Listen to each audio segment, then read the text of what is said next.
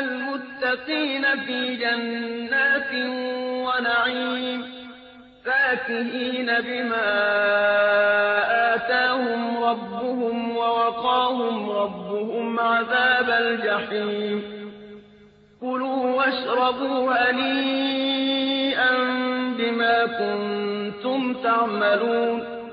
متكئين على سرر مصفوفة وزوجناهم بحور عين. والذين آمنوا واتبعتهم ذريتهم بإيمان ألحقنا بهم ذريتهم وما ألتناهم من عملهم من شيء. كل امرئ بما كسب رهين. إن الحمد لله تعالى نحمده ونستعين به ونستغفره ونعوذ بالله تعالى من شرور أنفسنا وسيئات أعمالنا. من يهد الله تعالى فلا مضل له ومن يضلل فلا هادي له وأشهد أن لا إله إلا الله وحده لا شريك له وأشهد أن محمدا عبده ورسوله. أما بعد فإن أصدق الحديث كتاب الله تعالى وأحسن الهدي هدي محمد صلى الله عليه وآله وسلم وشر الأمور محدثاتها وكل محدثة بدعة وكل بدعة ضلالة وكل ضلالة في النار. اللهم صل على محمد وعلى آل محمد كما صليت على إبراهيم وعلى آل إبراهيم في العالمين إنك حميد مجيد. وبارك على محمد وعلى آل محمد كما باركت على إبراهيم وعلى آل إبراهيم في العالمين إنك حميد مجيد. فلا زلنا مع فوائد قصة الساحر والراهب وهي قصة أخرجها الإمام مسلم في صحيحه من حديث صهيب الرومي رضي الله عنه مرفوعا إلى رسول الله صلى الله عليه وآله وسلم. وكنا وصلنا في هذه القصة إلى ما حدث بين الغلام وبين ملك هذه المملكة. لما قال له بعدما أرسله مع فوجين من أصحابه قال له اعلم أنك لن تقتلني حتى تفعل ما آمرك به. قال وما هو؟ قال أن تصلبني وتجمع الناس في صعيد واحد وأن تضع السهم في كبد القوس ثم تقول بأعلى صوتك بسم الله رب الغلام فإنك إن فعلت ذلك قتلتني. وفعل الملك ما أمره به الغلام على عادة أهل الدنيا. يفعل ما يؤمر به حتى لو وصل الأمر إلى أن يمسح خده بنعله. فهذا ليس عليه عنده حرج ولا عنده جناح أن يفعل شيئا من هذا نظير في نظير أن يحصل هذه الدنيا. لكن الله تبارك وتعالى كاد للغلام بهذا. وكانت أقرب وسيلة إلى أن يؤمن الناس جميعا أن يفعل الملك ما أمره به الغلام. وعادة هؤلاء الذين يتكالمون على الدنيا ألا يكون عندهم من نور الفهم عن الله عز وجل ومن قلة الفراسة ما يضر به نفسه وهو لا يدري. فإن الفهم من أجل المنح وأعظم العطايا لأن الفهم نور يقذفه الله عز وجل في قلب العبد. قال الله عز وجل ومن لم يجعل الله له نورا فما له من نور. يؤمر إنسان بتقوى الله فيزداد طغيانا.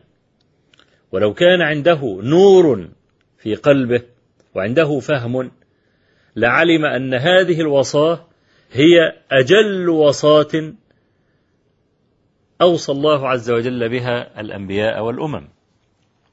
لقد وصينا الذين أوتوا الكتاب من قبلكم وإياكم أن اتقوا الله. وقال الله تبارك وتعالى لنبيه صلى الله عليه وسلم يا أيها النبي اتق الله فتأمل هذا الموضع مع قوله تبارك وتعالى عن جنس من البشر وإذا قيل له اتق الله أخذته العزة بالإثم. أي أنه كلما أمر بتقوى الله ازداد طغيانا مع أنه لو كان عنده أدنى فهم أو كان عنده قبس من هذا النور نور الفهم الذي يقذف في قلب العبد لأقبل على هذه الوصاة. كل الذين أهلكهم الله تبارك وتعالى حرموا من نعمة الفهم. قارون مثلا. وعظه قومه.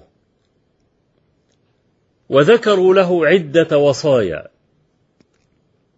لما بغى عليهم كما قال تعالى إن قارون كان من قوم موسى فبغى عليهم. وتأمل هذه اللفظة. كان من قوم موسى. من. كان رجلا من الناس. لا نباهة له ولا ذكر له إطلاقا. رجل تائه في الزحام. كان من قوم موسى واحد. لا نباهة له مطلقا. فبغى عليهم. ليه بغى عليهم؟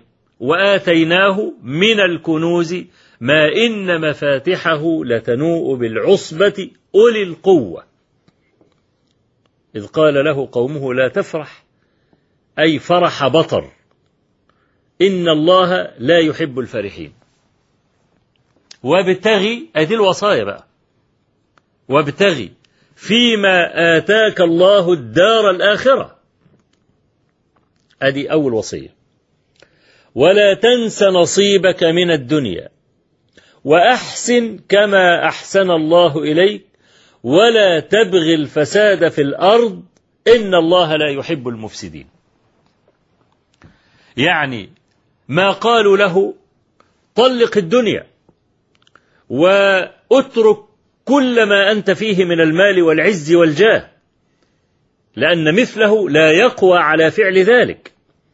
وهذا من كمال فهم هؤلاء الواعظين لقارون أنهم لم يأمروه بترك المال وابتغي فيما آتاك الله الدار الآخرة ولا تنس نصيبك من الدنيا تمتع يعني أنفق لوجه الله وتمتع بالمباحات وأحسن كما أحسن الله إليك ذكروه بأنه لم يكن معه شيء ثم إن الله عز وجل أعطاه. يعني كان المفروض ده حاجة يعني ولا تبغي الفساد في الأرض بهذا المال. إن الله لا يحب المفسدين. ماذا فعل هذا الشقي؟ أو كيف قال؟ قال إنما أوتيته على علم عندي. يعني هذه الثروة لم تكن ضربة لازم وما جاءت ضربة حظ إنما بعبقريتي وذكائي وحسابات الدقيقة. يعني هذا ما آتاني ما جاءني هكذا إنما بعقلي. قال إنما أوتيته على علم عندي. أنا كنت أعلم أنني سأحصل كل هذا المال.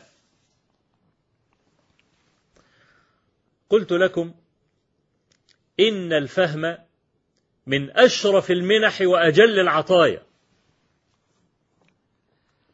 فكانت النتيجة أنه قال هذه الفرية إنما أوتيته على علم عندي.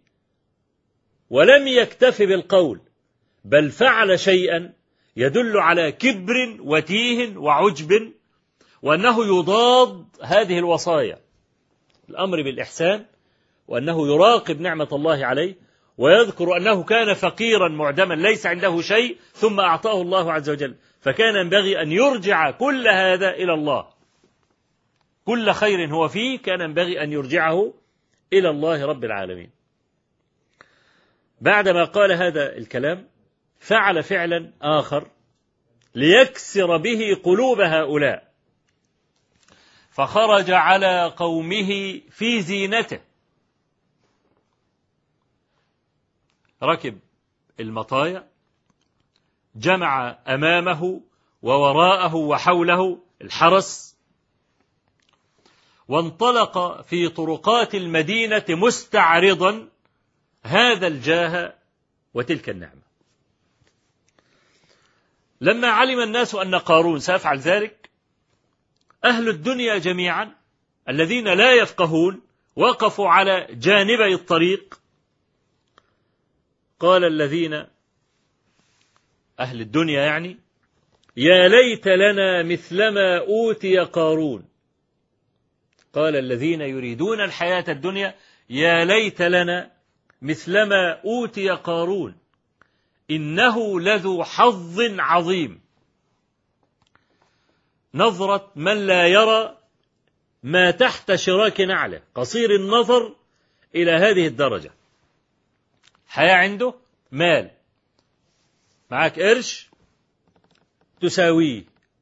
معاك جنيه؟ تساويه. معاك ألف؟ تساويه. لا. الدنيا ليست كذلك. يعني أنت لما بيكون معاك كيس كيس بلاستيك الكيس ده يكون ثمنه عشرة قروش. أنت بتشيل في هذا الكيس 200 و 300 ألف. هو الكيس ده يساوي كام اللي شايل 200 و 300 ألف؟ ده. وقد هذا الكيس يحمل ملايين. ما هو ده الغلاف ما هذا ما الثياب. هذه الثياب. قوم يحكمون على البشر بثيابهم.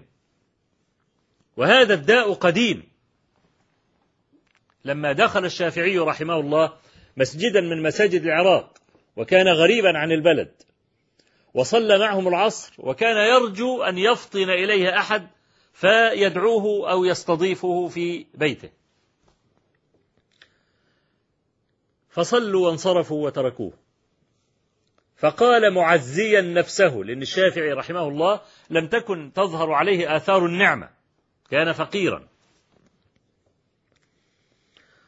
قال علي ثياب لو يباع جميعها بفلس لكان الفلس منهن أكثر وفيهن نفس لو يقاس ببعضها نفوس الورى كانت أجل وأكبر. قال هذا معزيا نفسه. يقول إن النفس التي تحت هذه الملابس نفس طيبة وزكية وزاكية لكن الناس وزنوه بثيابه البالية.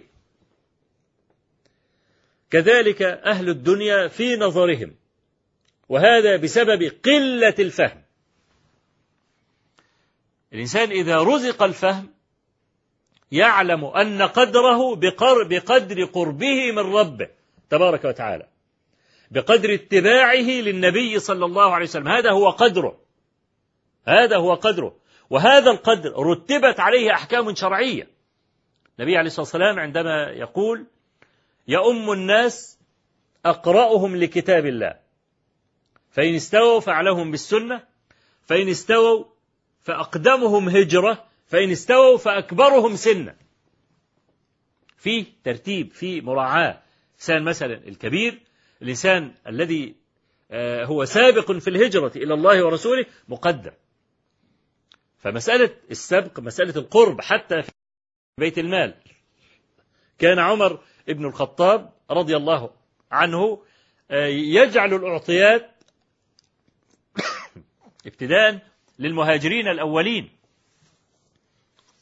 وبعدين المهاجرون الأولون دول برضو طبقات والأنصار أيضا طبقات. وكان يعطي الرجل العطاء كثرة وقلة على حسب سابقته في الإسلام أو على حسب قربه من رسول الله صلى الله عليه وسلم. وقد ثبت عنه أنه كان يخص أسامة بن زيد الحب ابن الحب. حب رسول الله صلى الله عليه وسلم. كان يعطيه أكثر من ولده عبد الله بن عمر. برغم أن عبد الله بن عمر كان أكبر من أسامة وكان أسبق وأقدم وأقدم هجرة. فقال عبد الله لأبيه لما فضلته علي في العطاء؟ قال فقال عمر إن أباه كان أحب إلى النبي صلى الله عليه وسلم من أبيك وهو كان أحب إلى رسول الله صلى الله عليه وسلم منك. يعني إذا المقياس ليس هو المقياس الذي يتكلم به أهل الدنيا لكن أنت إذا كنت صاحب مال يبقى أنت رجل لك قيمة لك وزن لك ثقل. لا. قال صلى الله عليه وسلم رب أشعث أغبر ذي طمرين. ذي ملابس بالية مدفوع بالأبواب. تفتح الباب تشوفه تقفل الباب في وشه. إن هو كده إيه؟ رجل يعني أشعث وأغبر وهدومه مقطعة. رب أشعث أغبر ذي طمرين مدفوع بالأبواب. لو أقسم على الله لأبره. فسبحان من لا يعلم أقدار خلقه إلا هو. لكن المسألة دي كلها مرتبطة بالفهم. مرتبطة بالفهم. فهؤلاء قوم قارون. أهل الدنيا. لما خرج قارون بعدما قال هذه الكلمة العظيمة ورب كلمة يقولها الرجل لا يلقي لها بالا يهوي بها في النار سبعين خريفا ما كان يظن أن تبلغ به ما بلغت كما قال رسول الله صلى الله عليه وآله وسلم. أهي كلمة زي إنما أوتيته على علم عندي هي دي التي زلت بقارون طبعا بكفره ابتداء وطبعا الكافر لن يخرج منه إلا ما يساوي أو ما يشاكل كفره. قال الكلمة ثم خرج ليكسر قلوب هؤلاء الفقراء. بهذه الأبهة وهذا الجاه وهذه النعمة أهل الدنيا الذين يقفون على جانبي الطريق قالوا يا ليت لنا مثلما أوتي قارون إنه لذو حظ عظيم. أما أصحاب الفهم وقال الذين أوتوا العلم ويلكم ثواب الله خير لمن آمن وعمل صالحا ولا يلقاها إلا الصابرون. والصبر هنا المقصود به الصبر عن معصية الله. الصبر عن معصية الله تبارك وتعالى. ثواب الله خير لمن آمن وعمل صالحا ولا يلقاها إلا الصابرون. فخسفنا به وبداره الأرض. فما كان له من فئة ينصرونه من دون الله وما كان من المنتصرين. الجماعة اللي كانوا يقفون على جانب الطريق دول لما خسف الله بقارون ماذا قالوا؟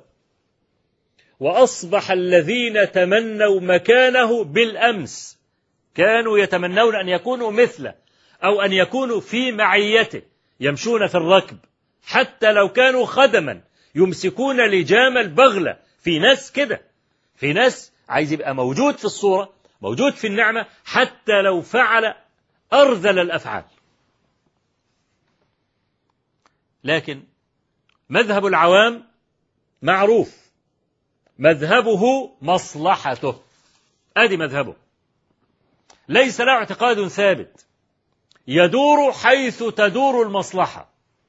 مع قطع النظر أهذه المصلحة مشروعة أم لا؟ أهذه المصلحة تخل أو تسقط مروءته أم لا؟ المعاني الكبيرة دي اللي معاني أهل الشرف وأهل العز. لا تخطر لهؤلاء على بال. وأصبح الذين تمنوا مكانه بالأمس يقولون وي كأن الله يبسط الرزق لمن يشاء من عباده ويقدر لولا أمن الله علينا لخسف بنا. إذا أمس كان يتمنى النهاردة بيقول الحمد لله أن أنا ما كنتش معاه. ليه؟ كان زمانه هلك كما هلك قارون. أمثال هؤلاء لا يؤمنون حتى يروا العذاب الأليم. جنس من بني آدم لا يؤمن حتى يرى العذاب الأليم. في بعض الصحفيين الكبار اللي هو يشار إليهم بالبنان كتب في مذكرات له أن هو سنة 74 كان في مباراة مباراة كأس العالم ما بين ألمانيا وهولندا. وهو طبعا رجل يعني صحفي كبير وماله وفير فالطبيعي إن هو يروح يشوف المباراة في ألمانيا. أو في هولندا مش فاكر يعني. المباراة أين أقيمت؟ ويعني الأصحاب بقى الهيئات دول ما بيروحش بقى ينتظر في الطابور بيروح على الآخر خالص. يعني يروح يركب قبل أن إيه يعني تطير الطائرة بقليل. بيقول بقى ان هو ذاهب في اللحظات الأخيرة الإطار بتاع السيارة انفجر على ما غير الإيه؟ الإطار الكاوتش والبتاع والكلام ده ووصل إلى المطار كانت الطيارة إيه؟ أغلقت أبوابها وبدأت تتحرك على المدرج. طبعا حزن وزعل وبتاع ويلا زي بعض نشوفها زي عامة الناس في التلفزيون. وجلس وشاف الماتش في التلفزيون وطبعا بيروح المؤسسة الصحفية مبكرا. فالعدد الأول بيكون محطوط على المكتب. فبيقول وإذا ما فتحت بقى الصفحة الأولى إذا بي أجد أن الطائرة التي كنت سأستقلها ارتطمت ببعض الجبال وسقطت ومات كل من فيها. هو طبعا كان بيتكلم عن فكرة إيه؟ ارضى بما قسم الله لك تكن أغنى الناس. لكن هو قال القصة دي إمتى؟ ما قالها إلا لما رأى تحطم الطائرة.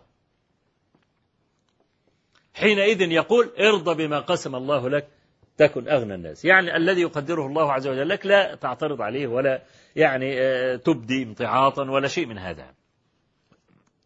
فالعوام هؤلاء ليس عندهم هذا البصر ولا هذا الفهم. وكل مشكلة يقع فيها الإنسان سببها قلة الفهم وقلة البصر. هذا هو الذي حدث فعلا لملك هذه المملكة. لما قال له الغلام اجمع إذا أردت أن تقتلني اجمع الناس جميعا في صعيد واحد أي في أرض منبسطة. وتجيب خشبة تصلبني على هذه الخشبة تاخد سهما من كنانتي من بيت السهام تحطه في كبد القوس وبعدين تصرخ بأعلى صوتك عشان كل الجماهير تسمع. بسم الله رب الغلام السهم هينزل هنا وأشار الإيه؟ الغلام إلى صدغه. فالملك فعلا نفذ المسألة دي وظن أن مشكلته انتهت. ومن لم يجعل الله له نورا فما له من نور. صلب الغلام جمع الناس في صعيد واحد قال بسم الله رب الغلام ألقى أو رمى بال بال بال بالسهم وقع السهم في الموضع الذي أشار الغلام إليه. وسقط رأس الغلام على يعني كتفه فقال الناس جميعا آمنا بالله رب الغلام. بعض الناس زي ما إحنا كنا يعني تكلمنا في آخر الحلقة الماضية قد يظن أن الغلام تعجل لما أظهر إيمانه. أنا قلت في المرة الماضية لم يترك الملك للغلام فرصة حتى يناور. ولم يكن أمامه فرصة حتى يناور. الذين آمنوا في المملكة ثلاثة. رأى الغلام مصرع اثنين من من هؤلاء الثلاثة المؤمنين بالله تبارك وتعالى. رأى مصرع الراهب. ورأى مصرع جليس الملك. وفي رواية عبد الرزاق في رواية معمر عن ثابت اللي رواها الإمام الترمذي قال الملك لأقتلن كل واحد منكم قتلة لا أقتل بها الآخر. وفي رواية حماد بن سلمة عن ثابت في صحيح مسلم أن الملك نشر الراهب حتى سقط شقاه ونشر جليسه حتى وقع شقاه فقد يظن بعض الناس إن في تعارض في المسألة. ليه؟ لأن هو في رواية معمر قال لأقتلن كل واحد قتلة لا أقتل بها الآخر مع أنه قتل الراهب وقتل جليس الملك نفس القتلة إنه نشره إيه؟ نشره نصفين. آه فنقول إن إبداء الاحتمال هنا أمر وارد لأن هذا هو الأصل. ألا تعارض النصوص بعضها بعض. إن أمكن أن تحمل بعض لفظي الحديث على معنى آخر. كأن نقول مثلا أنه لا مانع أن يكون عذب جليس الملك أو عذب جليسه قبل أن يشقه نصفين.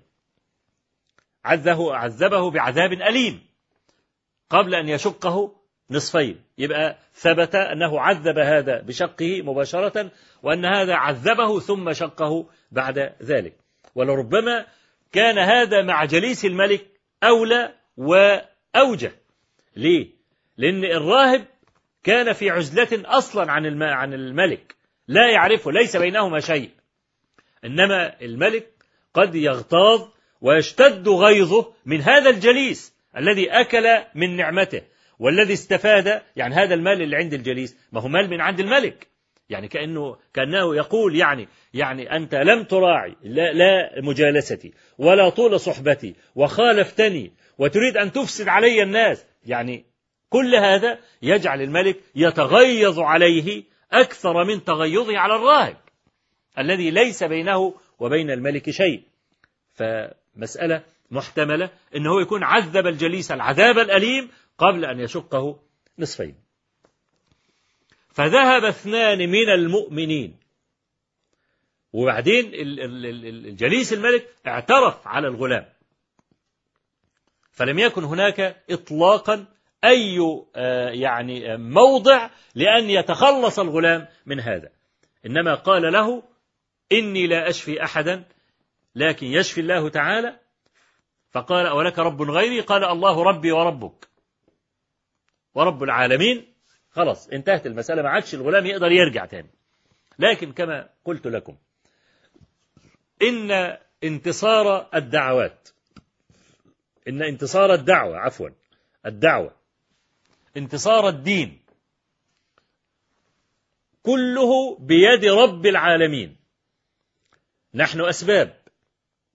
قد نصيب الرمية وقد لا نصيب. لكن النصر بيد الله تبارك وتعالى. وما النصر إلا من عند الله. لكن قال الله عز وجل إن تنصروا الله ينصركم. يبقى مطلوب مني بذل السبب وليس السبب الذي أخترعه أنا ولا السبب الذي أراه. إنما يجب أن يبذل العالم السبب الذي أمر به. الذي أمر به. قال الله عز وجل للنبي صلى الله عليه وسلم وهذه الآية الأمة مخاطبة بها. أيضا قال عز من قائل فاستقم كما أمرت. لك سيد آمر أمرك بالاستقامة أنزل كتابا من السماء وأرسل رسولا يوضح هذا الكتاب ويبينه فهي ده دي سبل الاستقامة. انت مطلوب منك ألا تفارق هذا الدرب. هو ده المطلوب. استقم كما أمرت. حتى لو جدت مسألة من مسائل النوازل التي لم تكن موجودة عند الأسلاف فحينئذ لا بد أن تستقيم حتى في الاجتهاد على ساق النص. يعني حتى لو خدت المسألة بالقياس القياس ما هو مردود القياس إلى أصل أو إلى نص. أي دليل من أدلة أصول الفقه؟ كلها مردودها إلى النصوص قرآنا وسنة. يبقى أنت برضه لما حتى بتجتهد ما بتجيبش حاجة من دماغك. ليس لها أصل في الكتاب والسنة بل كل شيء مرده إلى الكتاب والسنة. يبقى مطلوب منا إذا أردنا أن ندعو نحن نستقيم على أمر الله تبارك وتعالى ولا نتبع أهواء الخلق. لا نتبع أهواء الخلق. مش معنى إن في ناس عايزين فتوى معينة؟ إن أنا أتساهل وأعطيهم هذه الفتوى؟ هؤلاء ليسوا بنافعيك عند الله تبارك وتعالى. لأنه لا يحل لأحد أن يلعب بالدين ولا يحل لأحد أن يفتي بالقول المرجوح بدون أن يكون هناك ضابط يرجع إليه.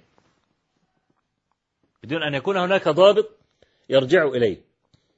يبقى هذا الغلام كان واضحا لكن الله عز وجل نصره وهو الذي كاد له. فليس كما يظن بعض الناس أن أن الغلام تسرع وأن الغلام كشف ما عنده لأن المملكة آمنت جميعا بهذا الذي فعله الغلام وألهمه الله تبارك وتعالى أن يأمر الملك به. لما صاح الملك وهو يقذف بالسهم إلى صدغ الغلام. وقال بسم الله رب الغلام. وقتل الغلام. قال الناس جميعا آمنا بالله رب الغلام.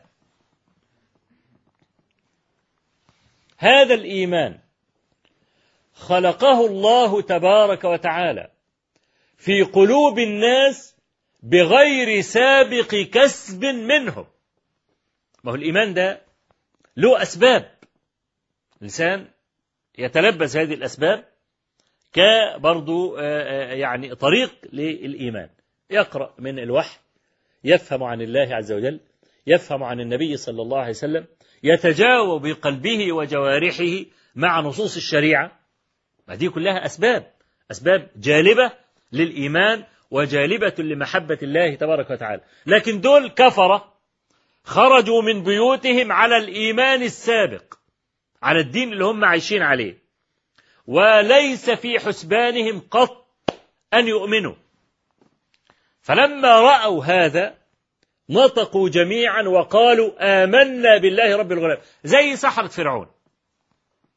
سحرة فرعون لما جلبهم فرعون حتى يبارزوا موسى عليه السلام جاءوا فبدأوا يساومون فرعون.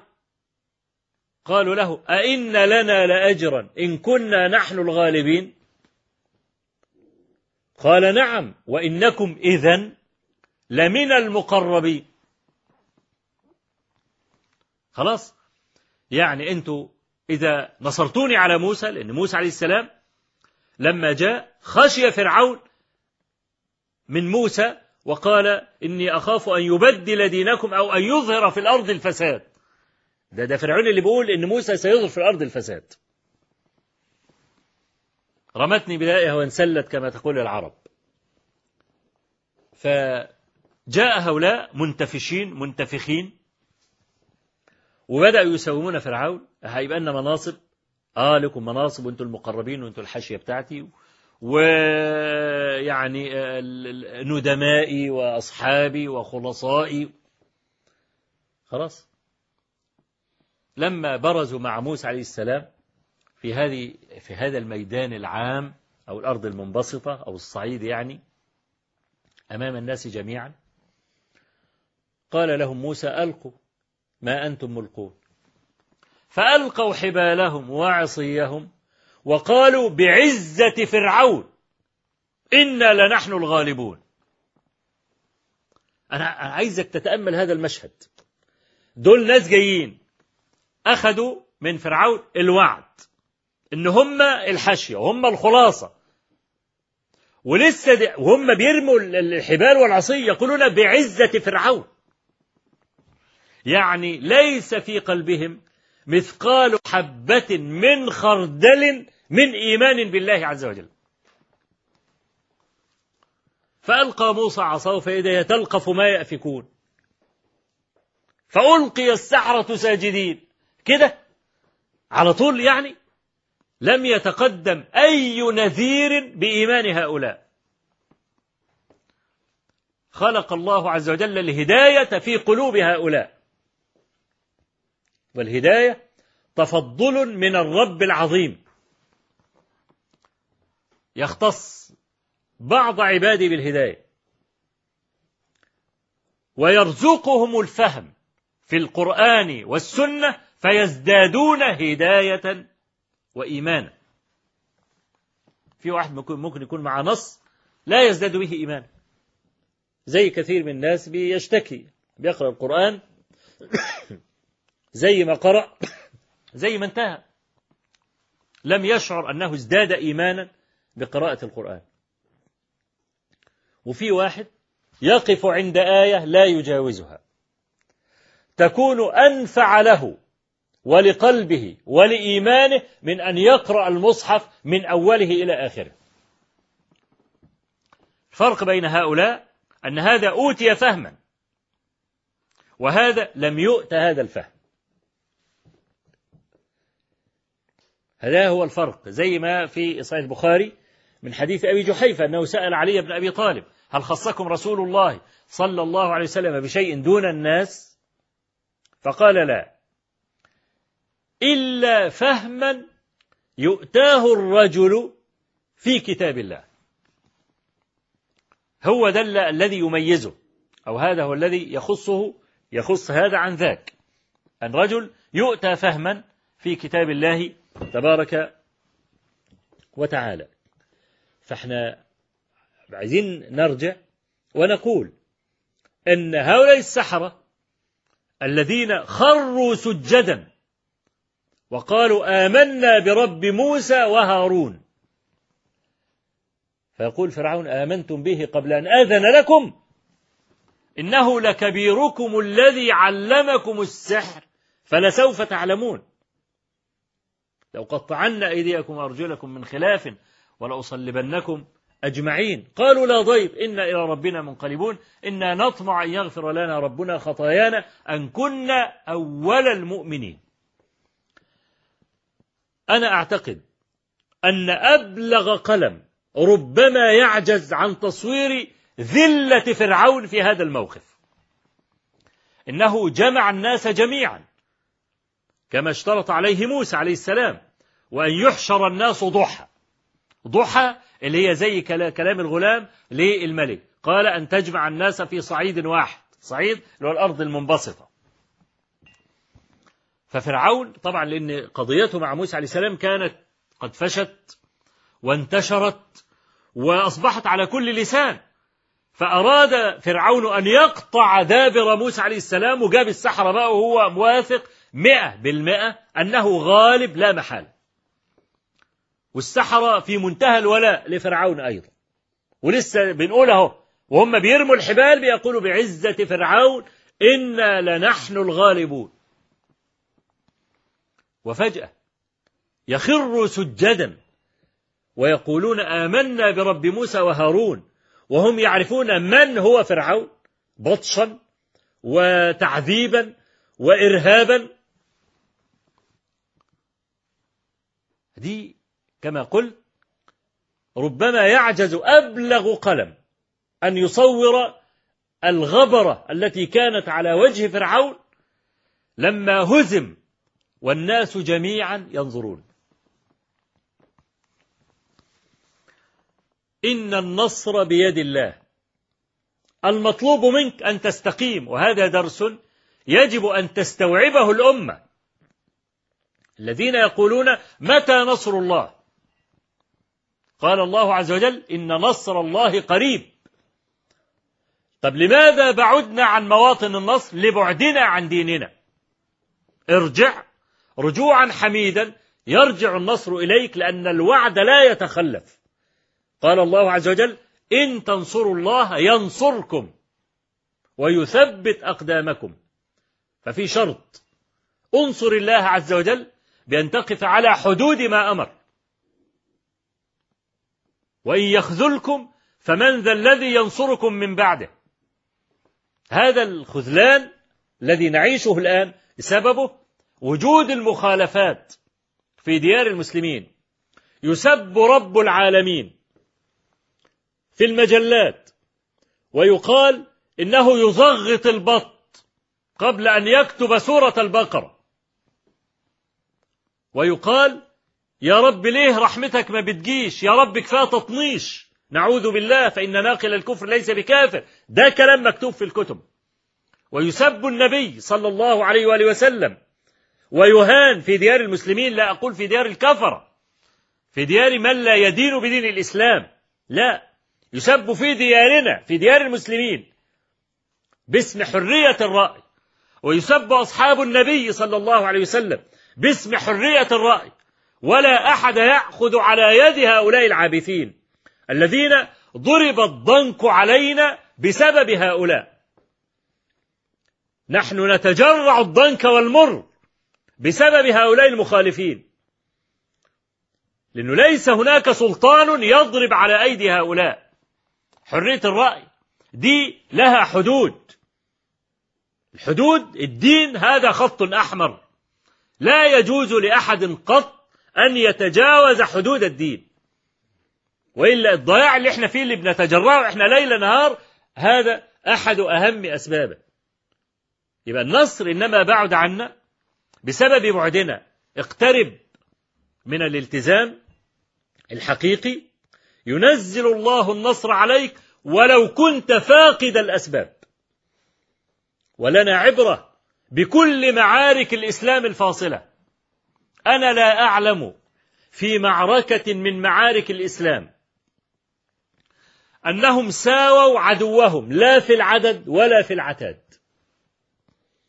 من أول موقعة بدر المباركة إلى آخر مواقع الإسلام كان عدد المسلمين أقل بكثير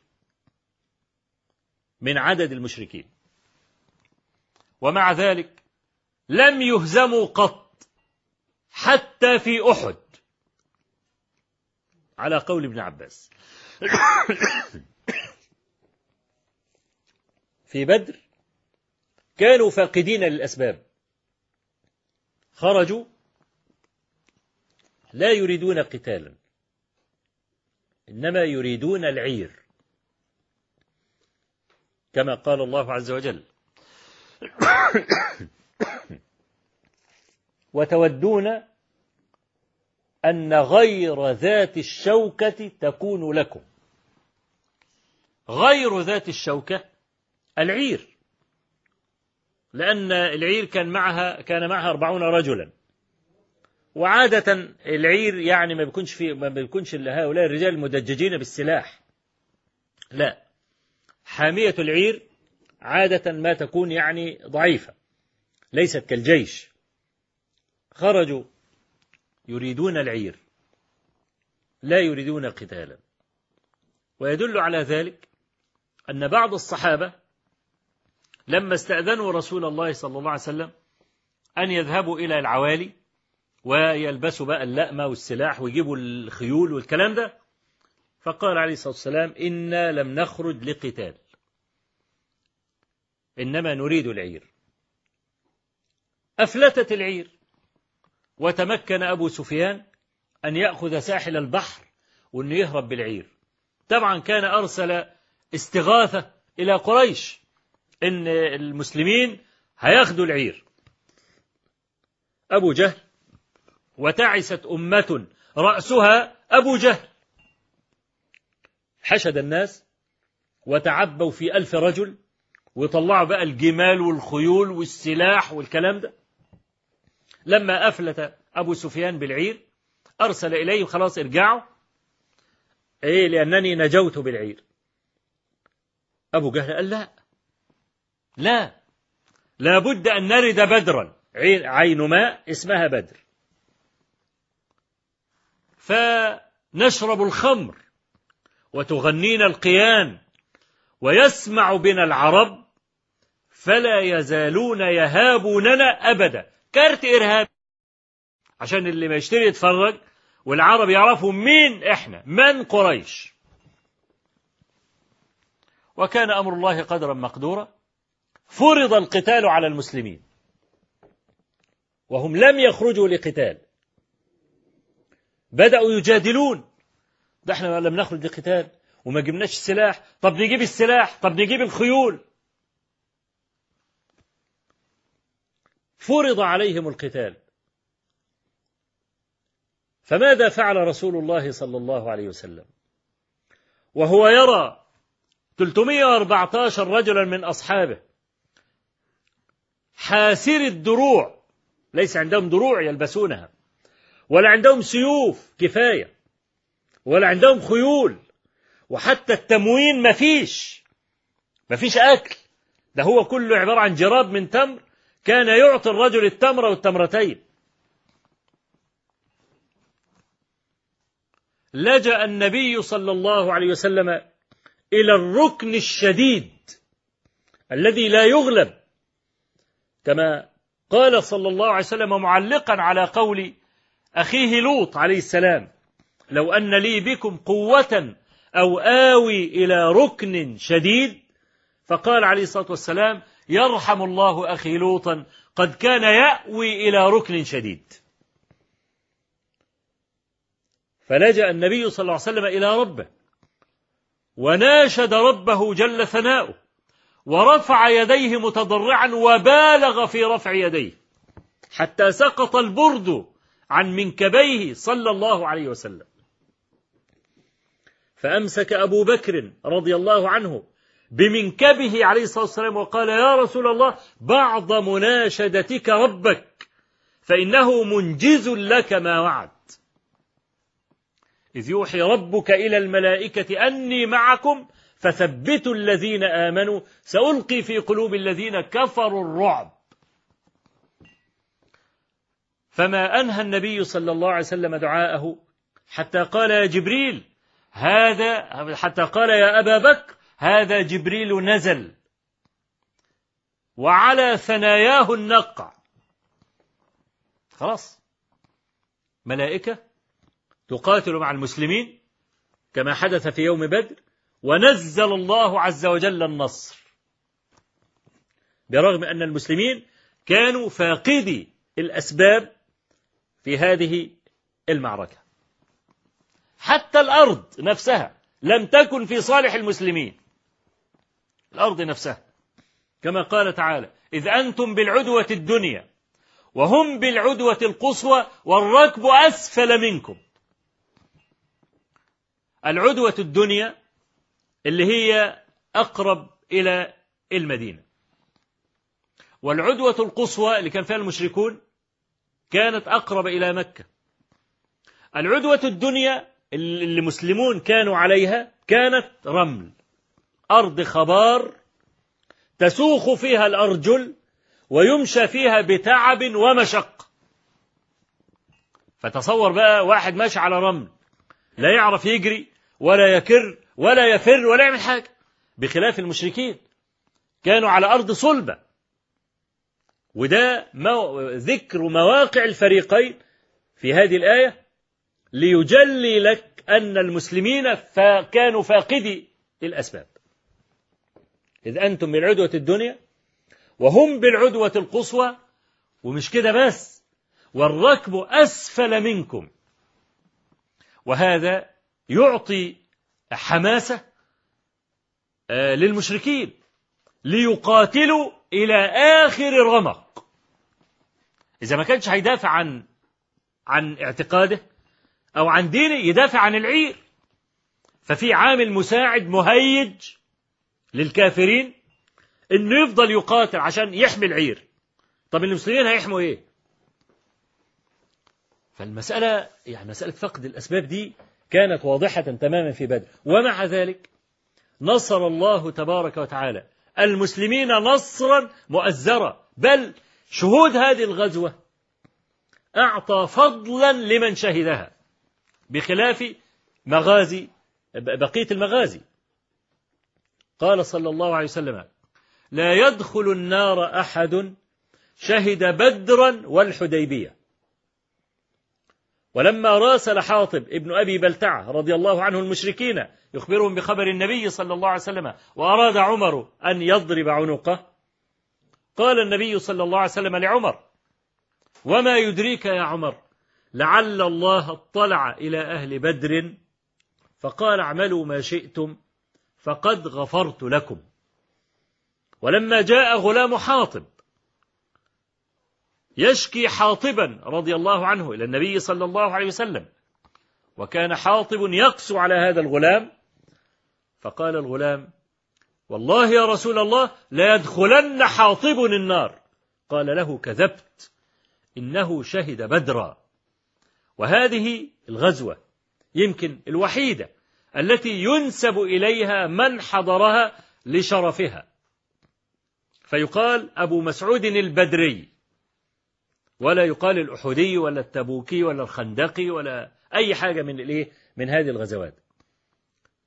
فالذي نصرهم مع فقد الأسباب هو رب العالمين تبارك وتعالى. فلذلك نقول الواجب علينا أن نرجع إلى الغرز الذي أمر أبو بكر عمر بن الخطاب به في يوم الحديبية. لما لم يطق عمر رضي الله عنه الشروط المجحفة في الظاهر التي تعنت فيها آنذاك سهيل بن عمرو قبل أن يسلم وتعنتت قريش وكان مندوبا عن قريش في هذا. لما كلم النبي صلى الله عليه وسلم لما نعطي الدنية في ديننا؟ قال أنا رسول الله ولست أعصيه وهو ناصري. فذهب عمر إلى أبي بكر رضي الله عنه وتلا عليه نفس الأسئلة الاستفهامات التي تلاها على النبي صلى الله عليه وسلم. فما كان من أبي بكر بعد أن أجاب بنفس كلام النبي صلى الله عليه وسلم. فقال هو رسول الله وهو ناصره وليس يعصيه ثم أوصاه هذه الوصاة التي إن نحن تمسكنا بها رجع لنا العز مرة أخرى. قال أيها الرجل استمسك بغرزه. الغرز موضع الركاب. لما يكون الإنسان راكب على فرس. بيكون في البردعة بتاع الفرس موضع, موضع يمين وشمال بحيث الفارس يضع رجله في هذا الغرز علشان ما يحملش ما يسيبش رجله كده محملة على على على نفسه وعلى أعصابه. لا يبقى بيريح رجله. هو ده موضع الغرز.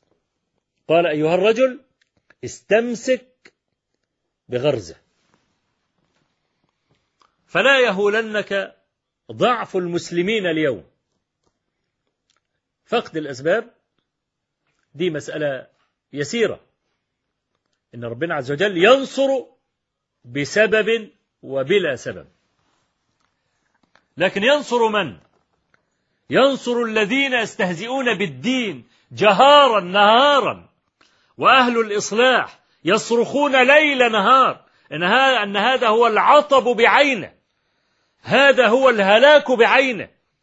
إن يبقى في احتقار للدين واحتقار للعلماء وسب فاجر لأهل العلم على صفحات الجرائد كل يوم ويقال إن هذا من حرية الرأي. لا والله. هذا ليس من الرأي أصلا. هذا ليس من الرأي أن يسب أهل العلم. اللي هم حملة مشاعل الهداية. فإحنا عايزين نرجع ونستفيد من هذه القصة أن الله تبارك وتعالى هو الذي حول قلوب السحرة من قوم فرعون ولم يأبه لا لتقطيع الأطراف ولا لتسميل أعينهم ولا لصلبهم في جذوع النخل وقالوا لا ضير إنا إلى ربنا منقلبون إنا نطمع أن يغفر لنا ربنا خطايانا أن كنا أول المؤمنين. وأنا عايزكم تنظروا إلى الفرق بين لغة الكافر إذا تكلم ولغة المؤمن إذا تكلم. أيام ما كانوا كفرة؟ منذ قليل من لحظات. تكلموا بلغة التنفخ البارد وقالوا بعزة فرعون. هكذا جزما. قالوا بعزة فرعون. إنا لنحن الغالبون. فلما آمنوا قالوا إنا نطمع أن يغفر لنا ربنا خطايانا. فلم يجزموا بأن الله يغفر له خطاياه. هي دي ده الفرق بين أهل الإيمان وأهل الفسوق والعصيان والكفران. تبص تلاقي لا بيصلي ولا بيزكي ومنكب على الخمر ومنكب على الزنا ويقول لك ده أنا هدخل الجنة قبلك. أنتوا كلكم شوية نصابين أنا قلبي أبيض زي اللبن الحليب. ما هو ده مش اللي بيقولوه؟ كلما كان أجهل بالله كلما كان أجرأ في إعطاء الأحكام. بخلاف أهل الديانة. أهل الديانة خايف لأنه اتعلم وعارف أن النار أقرب إلى شراك نعل أحدكم وأن الجنة كذلك. ويعلمون أيضا قوله صلى الله عليه وسلم إنما الأعمال بالخواتيم ولا أحد يدري على الإطلاق بما يختم له. فبيبقوا خايفين بيبقوا خايفين. يعني الرسول عليه الصلاة والسلام لما مات طفل صغير من أطفال الأنصار. فقالت عائشة رضي الله عنها هنيئا له عصفور من عصافير الجنة لم يعمل السوء ولم يدر به. فقال النبي صلى الله عليه وسلم يا عائشة أنا رسول الله ولا أدري ما يفعل بي. وهذا في التنزيل ولا أدري ما يفعل بي ولا بكم. النبي عليه الصلاة والسلام قال لو حاسبنا الله عز وجل بما اقترفت هذه لأهلكنا أهل الإيمان علموا. لا يجزم الواحد لنفسه أنه مهتدي ولا أنه من أهل الجنة. بخلاف هذا الجنس الذي أشرت إليه آنفا. ما بيعملش أي حاجة ويقول لك أنا ضامن الجنة هدخل الجنة حتف. حتف يعني إيه؟ هي طوبة. ده لو نزل حتف هتتكسر ضلوعه. وبعدين اللي بيتحدف ده طوبة ملوش كرامة. بخلاف يعني الملائكة يعني يقفون على كل باب. من أبو الوجه سلام عليكم بما صبرتم فنعم عقبى الدار. يعني حتى اللفظ اللي هو بيختاره لفظ عقيم لا ليس فيه لا لا إكرام ولا في أي حاجة من دي. فإحنا عايزين نرجع يا إخوان ونشوف برضو الدرس اللي من السحرة دول وكيف أنهم تبدلت حتى لغة الخطاب عندهم. وذكروا سببا يرجون به ويطمعون في رحمة الله أنهم أول المؤمنين من قوم فرعون الذين كانوا يناصرون فرعون. فتبدلت حتى لغة الخطاب كما ذكرت. ويمكن ده يذكرني برضه بما حدث لعمرو بن العاص رضي الله عنه لما كان في سياقة الموت كما رواه مسلم في صحيحه من حديث عبد الرحمن ابن شماسة المهري رحمه الله. قال دخلنا على عمرو بن العاص وهو في سياقة الموت. يعني في السوق في النزع يعني. فلما رآنا حول وجهه إلى الجدار وبكى طويلا. فقال له ابنه عبد الله يا أبت ألم يبشرك رسول الله صلى الله عليه وسلم بكذا وكذا؟ وجعل يذكر له بعض ما كان النبي صلى الله عليه وسلم يقوله في الثناء على عمرو بن العاص رضي الله عنه. قال فالتفت إلينا وقال لقد رأيتني على أطباق ثلاث أي مررت في حياتي بثلاثة مراحل. لقد رأيتني وما أحد أشد بغضا إلي من النبي صلى الله عليه وسلم. ولا أحب إلي من أن أكون استمكنت منه فقتلته. فلئن مت على هذا الحال لكنت من أهل النار. جزم بها لأن قتل النبي صلى الله عليه وسلم أعظم الجرائم سقف الجرائم كلها. أن يقتل إنسان نبيا. قال ثم أسلمت. فجئت النبي صلى الله عليه وآله وسلم. فقلت يا رسول الله أبسط يدك فلأبايعك. فبسط يده فقبضت يدي. قال ما لك يا عمرو؟ قلت يا رسول الله أردت أن أشترط. قال تشترط بماذا؟ قلت أشترط أن يغفر لي. قال يا عمرو أو ما علمت أن الإسلام يهدم ما قبله وأن الحج يهدم ما قبله وأن الهجرة تهدم ما قبلها. يقول فوالله ما كنت أملأ عيني منه إجلالا له. من شدة هيبة النبي صلى الله عليه وسلم في صدر عمرو بن العاص ما كان يستطيع أن يسلط عينيه على وجه النبي عليه الصلاة والسلام. شدة الهيبة وشدة الحب وشدة الحياء يعني أنت ممكن تلاحظ الكلام ده أو بعض الناس ممكن يستوعب المسألة دي. لو واحد مثلا ابتلي بحب امرأة وأحبها إلى درجة الولة والعشق ما يعرفش يبص لعينيها خالص. ما يعرفش يسلط بصره دايما يحط وشه في الأرض. من شدة الحب. عمرو بن عاص يقول أنا ما كنت أملأ عيني منه. إجلالا له ولئن سئلت أن أصفه لكم لما أطقت ذلك. لو قلت لي وصف النبي عليه الصلاة والسلام أقول لك مش فاكر ملامح النبي. عليه الصلاة والسلام. واحد عايش معاه السنوات الطوال ما يقدرش يوصف الرسول عليه الصلاة والسلام.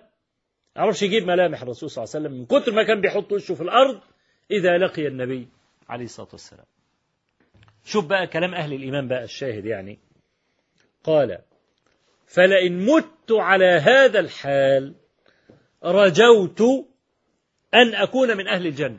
ما قالش لكنت من أهل الجنة. شوف في المرة الأولى جزم وقال لئن فعلت ذلك أي لئن قتلته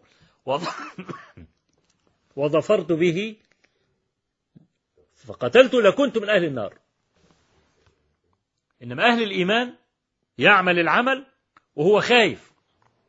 الذين يؤتون ما آتوا وقلوبهم وجلة أنهم إلى ربهم راجعون. يفعل الفعل من صلاة وزكاة وصيام وحج وأمر بمعروف ونهي عن منكر إلى سائر مطلوبات الشريعة سواء كانت على سبيل الوجوب أو كانت على سبيل الاستحباب. يفعل هذا الفعل وهو بيرتعش خايف. ألا يقبل الله عز وجل منه لأنه لم يحقق شروط العمل. فشوف يعني أهل الإيمان وتواضع أهل الإيمان في مسائل في ملاحظة الجزاء والأعمال. وانظر في مقابل ذلك إلى الجرآء على الله تبارك وتعالى. فنرجع بقى لقصة الملك مقارنة بقصة سحرة فرعون. هذا الملك الذي أضله الله عز وجل ولم يجعل له نورا يبصر به العواقب وما توقع قط. أن يرى ما رأى لما صرخ وقال بسم الله رب الغلام. وقتل الغلام. قال الناس جميعا آمنا بالله رب الغلام. إشكال البطانة بقى. البطانة قالت له قد وقع والله بك حذرك. هو أنت قتلت الراهب وقتلت جليس الملك وقتلت الغلام. ليه؟ لأجل ألا يؤمن أهل المملكة ويكفرون بالملك وبمن يعبده الملك. فيصبح الملك غريبا عن المملكة ممكن يصادر ملكه. ادي قولهم وقع بك حذرك. وفي رواية معمر قالوا له أأزعجك أن آمن ثلاثة؟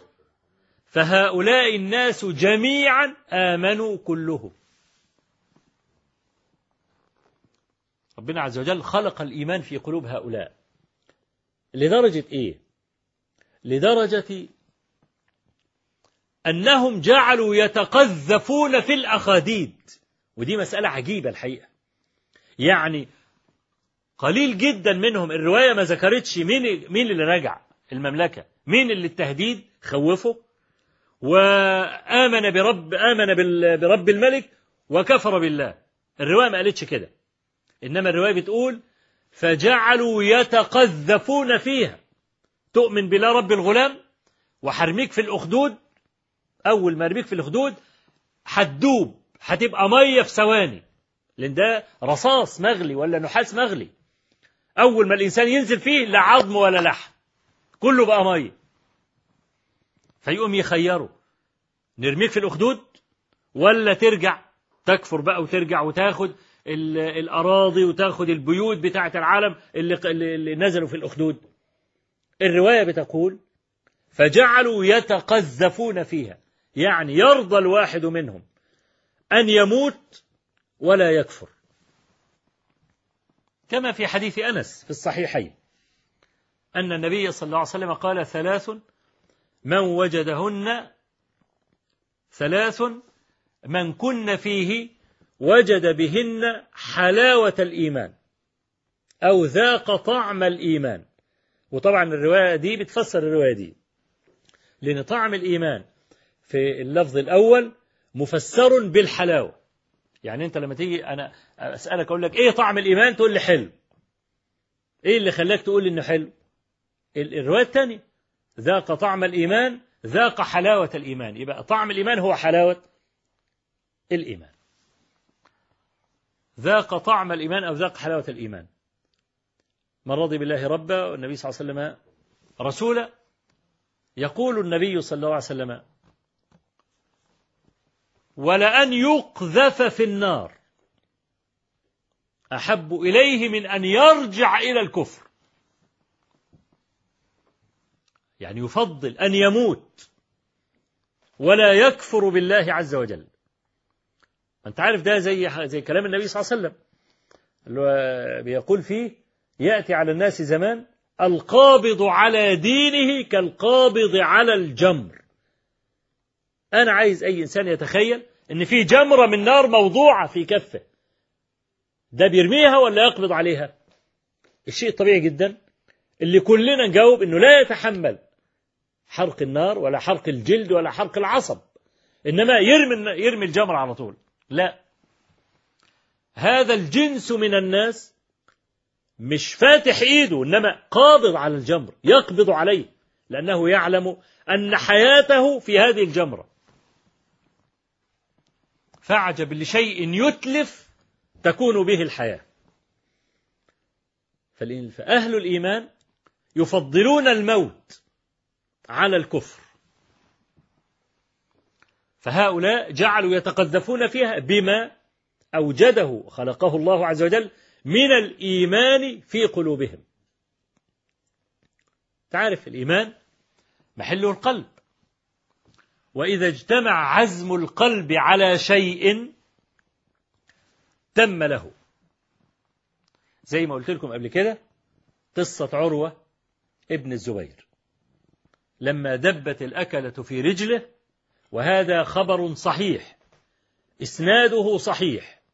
ولولا صحة الإسناد لقلب المرء كفيه عجبا في تصديق مثل هذا. دبت الأكلة في رجله وأفتى الأطباء أن رجله هذه تنشر بالمنشار تقطع. فقالوا له اشرب الخمر عشان يسكر فلا يحس بقطع العظم. فقال ما كنت لأستعين على دفع بلاء الله بمعصية الله. ولكن ذروني يعني أدخل في الصلاة فإذا دخلت في الصلاة فاقطعوها وفعلا دخل في الصلاة وقطعوها. وأغشي عليه. إيه اللي خلاه لا يشعر الشعور الكامل بقطع العظم؟ إقبال قلبه بكليته إلا ما شاء الله على الصلاة. كذلك القلب. إذا اجتمع القلب إذا اجتمع عزم القلب على شيء يعني كما يقال ينفي ما عداه من عمل الجوارح. ساعات الواحد يبقى كده إيه؟ بينظر لهدف وهو مستغرق في التفكير. تقف جنبه تناديله ما تسمعوش. يناديلك ما تسمعوش. ممكن تمر من أمامه ولا يراك. ليه؟ لما استغرق القلب في هذا المعنى أخذ قوة الجوارح. كأن الجارحة مشلولة إلا قليلا لا يحس المرء بها. كما قال تعالى وتراهم ينظرون إليك وهم لا يبصرون. آه الحاسة سليمة وسلط العين على الهدف ولكنه لا يرى. يعني هو ينظر ولا يبصر. فكذلك الإيمان اللي هو بقى المستودع القلب كذلك القلب لو مستودع الإيمان مستودع الإخلاص في البدن إذا اجتمع الإيمان فيه لا يشعر المرء بشيء ولذلك كان تهديد فرعون ما له قيمة عند السحرة وكذلك هؤلاء الذين كانوا يتقذفون في هذه النار ولا يفضل عليها الكفر حتى وصل الدور إلى أم والناس يتقذفون. لم يعطوها فرصة.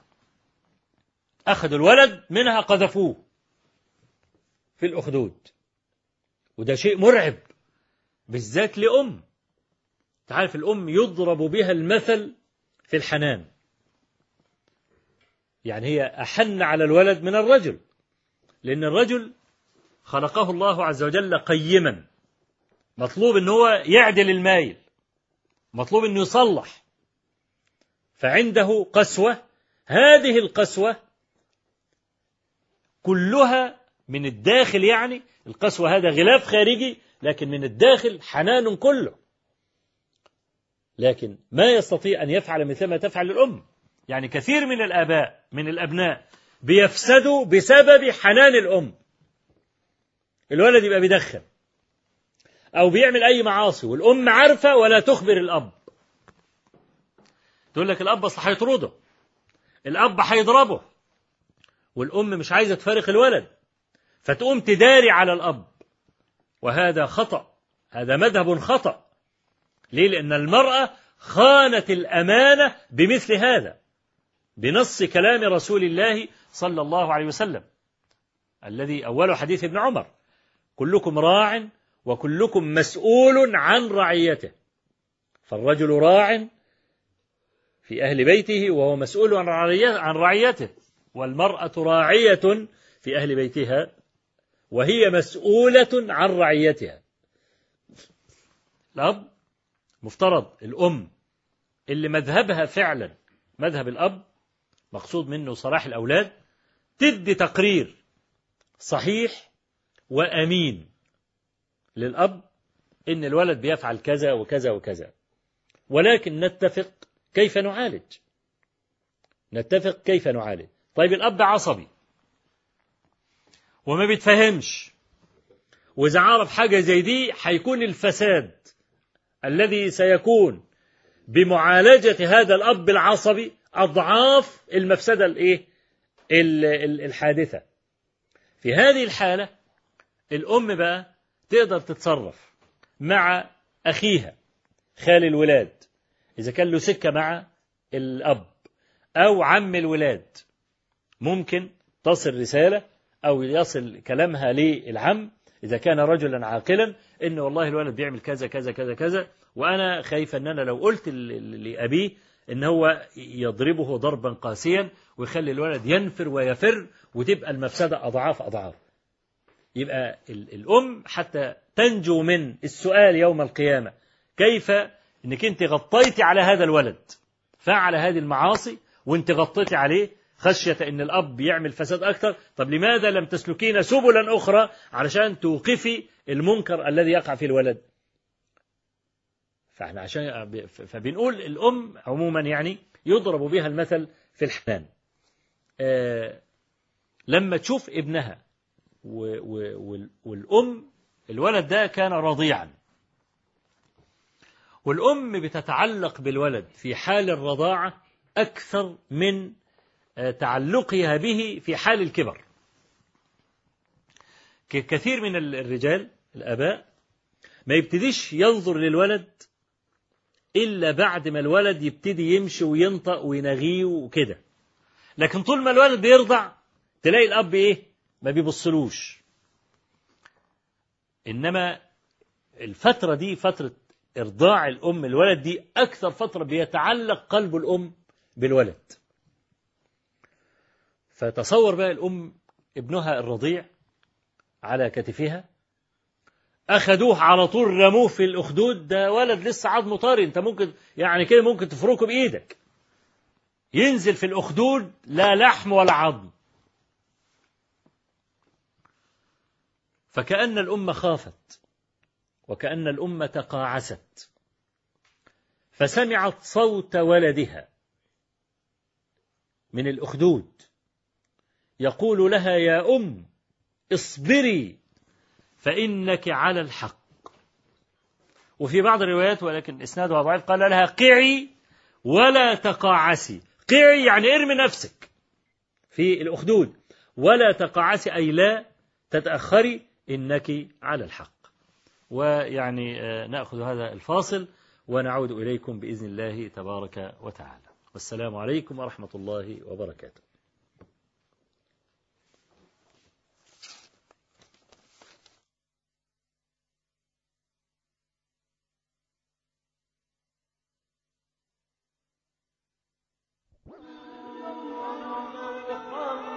قناة الحكمة الفضائية.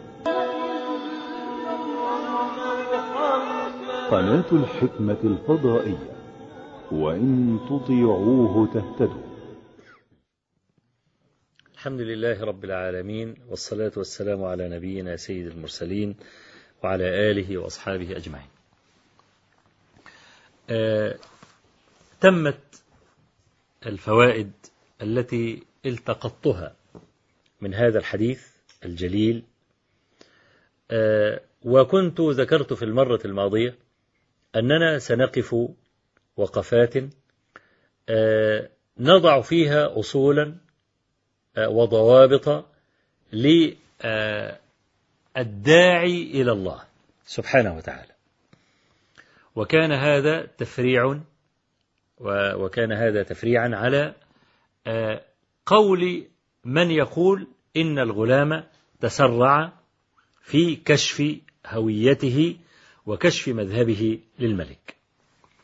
ولكن يعني ظهر من خلال هذا العرض الذي عرضناه أنه لم يكن متسرعا بل كاد الله تبارك وتعالى له وأفشى هذا الدين المبارك في المملكة بهذا الذي قاله هذا الغلام لهذا الملك الغبي الغشوم. وذكرت أن الدعوة أية دعوة؟ لها ثلاثة محاور. المحور الأول الدعوة نفسها. إحنا لما نتكلم عن الإسلام نقول المحور الأول الإسلام نفسه اللي هو الذي ستدعو إليه. المحور الثاني أو الركن الثاني الداعي إلى هذا الإسلام. المحور الثالث المدعو. إلى هذا الإسلام. يبقى عندنا بقى الدعوة أو الموضوع نفسه وبعدين الداعي إلى هذا الموضوع والمدعو إلى هذا الموضوع. طبعا لو حبينا بقى أن إحنا نفتح في الكلام ونفصل في المسألة دي فسينتهي العمر ولن ننتهي من ضبط هذا الموضوع لأن هو ده الإسلام كله.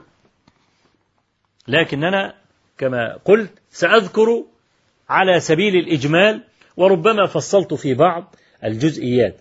بما يواكب العصر وبما أعلمه وأراه من الواقع الذي عايشته ومارسته سنوات طويلة. فهذه الأمة أمة مجيدة عظيمة. وعدنا الله تبارك وتعالى أن مجدها سيعود. كما قال النبي صلى الله عليه وسلم إن الله زوى لي الأرض وسيبلغ ملك أمتي ما زوى لي منها. والله عز وجل يقول هو الذي أرسل رسوله بالهدى ودين الحق ليظهره على الدين كله ولو كره المشركون. نحن نعلم يقينا أن مجد هذه الأمة قادم. وأن الفترة التي نعيش فيها الآن فترة انتكاسة بسبب تخلي المسلمين عن الالتزام بأحكام الدين. والحمد لله رب العالمين نحن نشهد من سنوات طويلة رجوع الناس زرافات ووحدانا إلى الله تبارك وتعالى. بالألوف المؤلفة يرجعون إلى الله تبارك وتعالى. وطبعا هذا شيء يغيظ العدو أن يرجع المسلمون إلى دينهم لأنهم يعلمون أن انتصار المسلمين مرهون برجوعهم إلى الدين. عشان كده آه، يعرقلون مسيرتهم. الغزو الثقافي في بلاد المسلمين القنوات الإباحية بل هناك قنوات لتأصيل الإلحاد والكفر ومواقع على النت. لتأصيل الإلحاد والكفر فيدخل الصبي الطري الذي لا يعرف شيئا من باب الاستطلاع أو من باب محبة أو من باب الفضول أنه يدخل على هذه المواقع وإذا به يكفر بالله أو على الأقل إن لم يكفر بالله يستهين بدينه.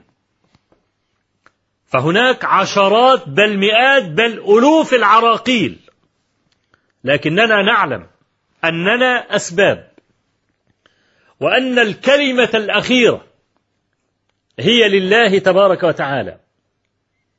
والله يحكم لا معقب لحكمه. وقال الله عز وجل وإلى الله ترجع الأمور. فعشان كده نحن على يقين أننا متى التزمنا انتصرنا. لقد خسر العالم كثيرا جدا. بانحطاط المسلمين وبتخلفهم عن القيام بدورهم. لو كان المسلمون هم الذين يحكمون العالم أكان يمكن أن يرمى القمح في المحيط وتلت الكرة الأرضية يموت جوعا عشان نحافظ على السعر العالمي؟ أكان يمكن أن نريق اللبن والجبن والزبد في المحيط وتلت الكرة الأرضية يموت جوعا. عشان نحافظ على السعر العالمي. لا. إن النبي صلى الله عليه وسلم أخبرنا أن امرأة بغيا دخلت الجنة في كلب سقته وأن امرأة أخرى دخلت النار في هرة. حبستها لا هي أطلقتها ولا هي تركتها تأكل من خشاش الأرض. إن النبي صلى الله عليه وسلم نهانا أن نتخذ الدواب كراسي. لكن تبقى راكب ركوبة حمار ولا بغل ولا حصان تبقى مش ماشي بيك يعني واقف وانت راكب عليه. قال لك ما تعملش الركوبة كرسي. قيل له يا رسول الله ألنا في هذه الأنعام أجر؟ قال لك في كل كبد رطبة أجر.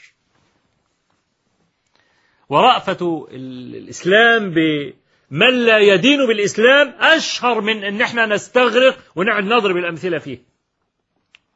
فعشان كده من مصلحة الدنيا كلها ومن سعادتها أن يرجع المسلمون إلى قيادة العالم. لكن إحنا عارفين إن في ملاحاة والناس كلها بتتسابق من الذي يحكم العالم؟ فهذه أمة مجيدة لا يغرنكم أنها تمر بمراحل ضعف فهي والله منتصرة. والله هذه الأمة منتصرة لأن النبي صلى الله عليه وسلم قال كما في حديث تميم الدار عند أحمد وغيره والله لا يبلغن هذا الأمر الليل والنهار ولا يدخلن كل بيت بيت مدر أو حجر لا يدخلنه بذل ذليل أو عز عزيز. عز يعز الله به الإسلام وأهله وذل يذل به الكفار وأهليهم. تميم الداري نفسه علق على الحديث ده. قال والله لقد رأيت هذا فمن أسلم من قومي أصابه الخير والعز والشرف. ومن كفر منهم أصابه الصغار والجزية. فهذا الإسلام سيدخل كل بيت بعز عزيز أو بذل ذليل كما قال النبي صلى الله عليه وآله وسلم. لكن المسألة كلها مرتبطة بشطر آية في كتاب الله عز وجل فاستقم كما أمرت. استقم كما أمرت. هو ده بقى السبيل. إذا استقمنا وكان العوام أداة طيعة في يد علمائهم لا يصدرون إلا عن رأيهم ولا يردون إلا برأيهم. إذا كان الناس كذلك وجعلوا العلماء منارات يأخذون منهم الفتوى ويأخذون منهم النصيحة والعلماء هم أنصح الناس للناس.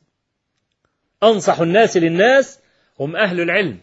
لأنهم أخذوا وظيفة الذي لا يأخذ أجرا على بذل الهدى.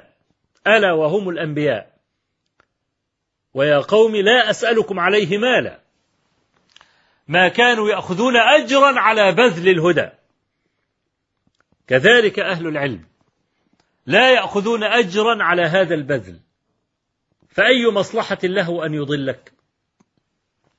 عشان كده إن شاء الله بدءا من الحلقة القادمة. حنتكلم عن أصول أو أركان الدعوة الثلاثة هذه الأركان التي ذكرناها لكم بشيء من كما قلت الإيجاز وأحيانا ربما فصلنا في بعض الجزئيات التي تستحق ذلك إن شاء الله تبارك وتعالى. ويعني نفسح الوقت الباقي للاتصالات. نعم في اتصالات؟ طيب نعم. نعم السلام عليكم ورحمة الله. وعليكم السلام ورحمة الله وبركاته. نعم. ازي حضرتك يا شيخ. الله يحفظك. عساك طيب إن شاء الله. الحمد لله. ربنا يبارك لنا في عمرك يا رب. وفيك والله أشهد الله إني أحبك في الله يا شيخ أحبك الله الله عز وجل. عليك. الله يحفظك. آه كنت بسأل حضرتك عن حديث قرأت فما أعرفش مدى صحته إيه. آه يقول النبي صلى الله عليه وسلم ثلاثة يدعون الله. فلا يستجاب لهم. نعم. رجل له امرأة سيئة الخلق فلم يطلقها. ورجل دفع مال يتيم قبل أن يبلغ. ورجل أقرض رجلا مالا فلم يش- يشهده. نعم. فما أعرفش مدى صحة الحديث. وإن كان صحيح فأرجو من حضرتك يعني تفسير يعني إن شاء الله ع- على حسب ما يتسع الوقت إن شاء الله. نعم. جزاك الله نعم. خير. طيب. وحضرتك في السؤال الثاني بخصوص شيخ اسمه محمد الحسن الددو. هذا الشيخ مدير مركز تكوين العلماء في موريتانيا. هذا الشيخ آه، يقول يعني أن له آه، سند عن جده إلى البخاري فيروي بسند عن جده للبخاري ثم يروي بسند البخاري ع- يعني تبعا للسند هذا نعم فما أعرفش حضرتك يعني يعني قد تفيدنا عن هذا الرجل يعني هل يجوز الرواية عنه أم لا؟ نعم ال- ال- السؤال الأخير إن شاء الله جزاك الله خير على سعه الصدر. آه، يعني حضرتك الفرق ما بين المصلى والمسجد يعني هل يجوز أن نصلي جماعة في في مصلى لا تقام فيها صلاة جمعة؟ نعم فهل فيها يعني الثواب فيها كثواب صلاة الجماعة في صلاة في مسجد يقام في صلاة جمعة أم لا؟ طيب وجزاكم الله خيرا بارك الله فيك. طيب نعم. نعم نعم السلام عليكم ورحمة الله السلام عليكم وعليكم السلام ورحمة الله. فضل الشيخ. أي نعم تفضل. أشهد الله العظيم بالعرش العظيم أنه أحبك في الله. أحبك الله جزاك الله خيرا. فضل الشيخ أنا لي طلب عندك. تفضل.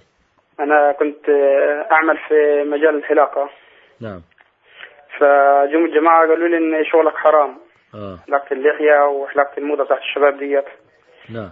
فماذا أنا كنت آه، يعني كان عندي الحجة والدتي وكده طلعتها حجة من الموضوع هذا الفلوس الحلاقة وكنت تزوجت منها. آه. فقالوا لي إن دخلك حرام وأكلك حرام وشغلك حتى هو حرام فمش عارف إيه نعم.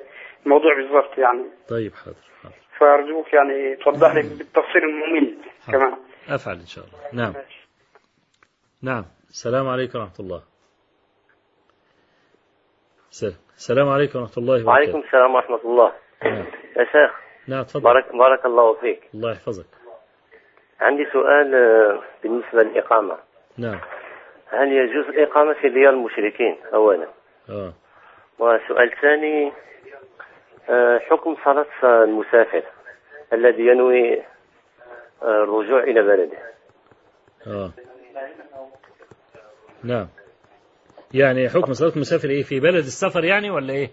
هو في بلد في ديار المشركين و ونيته الرجوع إلى بلده. آه هل آه, يجوز له أن يقصر أو لا؟ آه. طيب نعم ماشي. حاجة تانية؟ نعم. نعم. السلام عليكم ورحمة الله.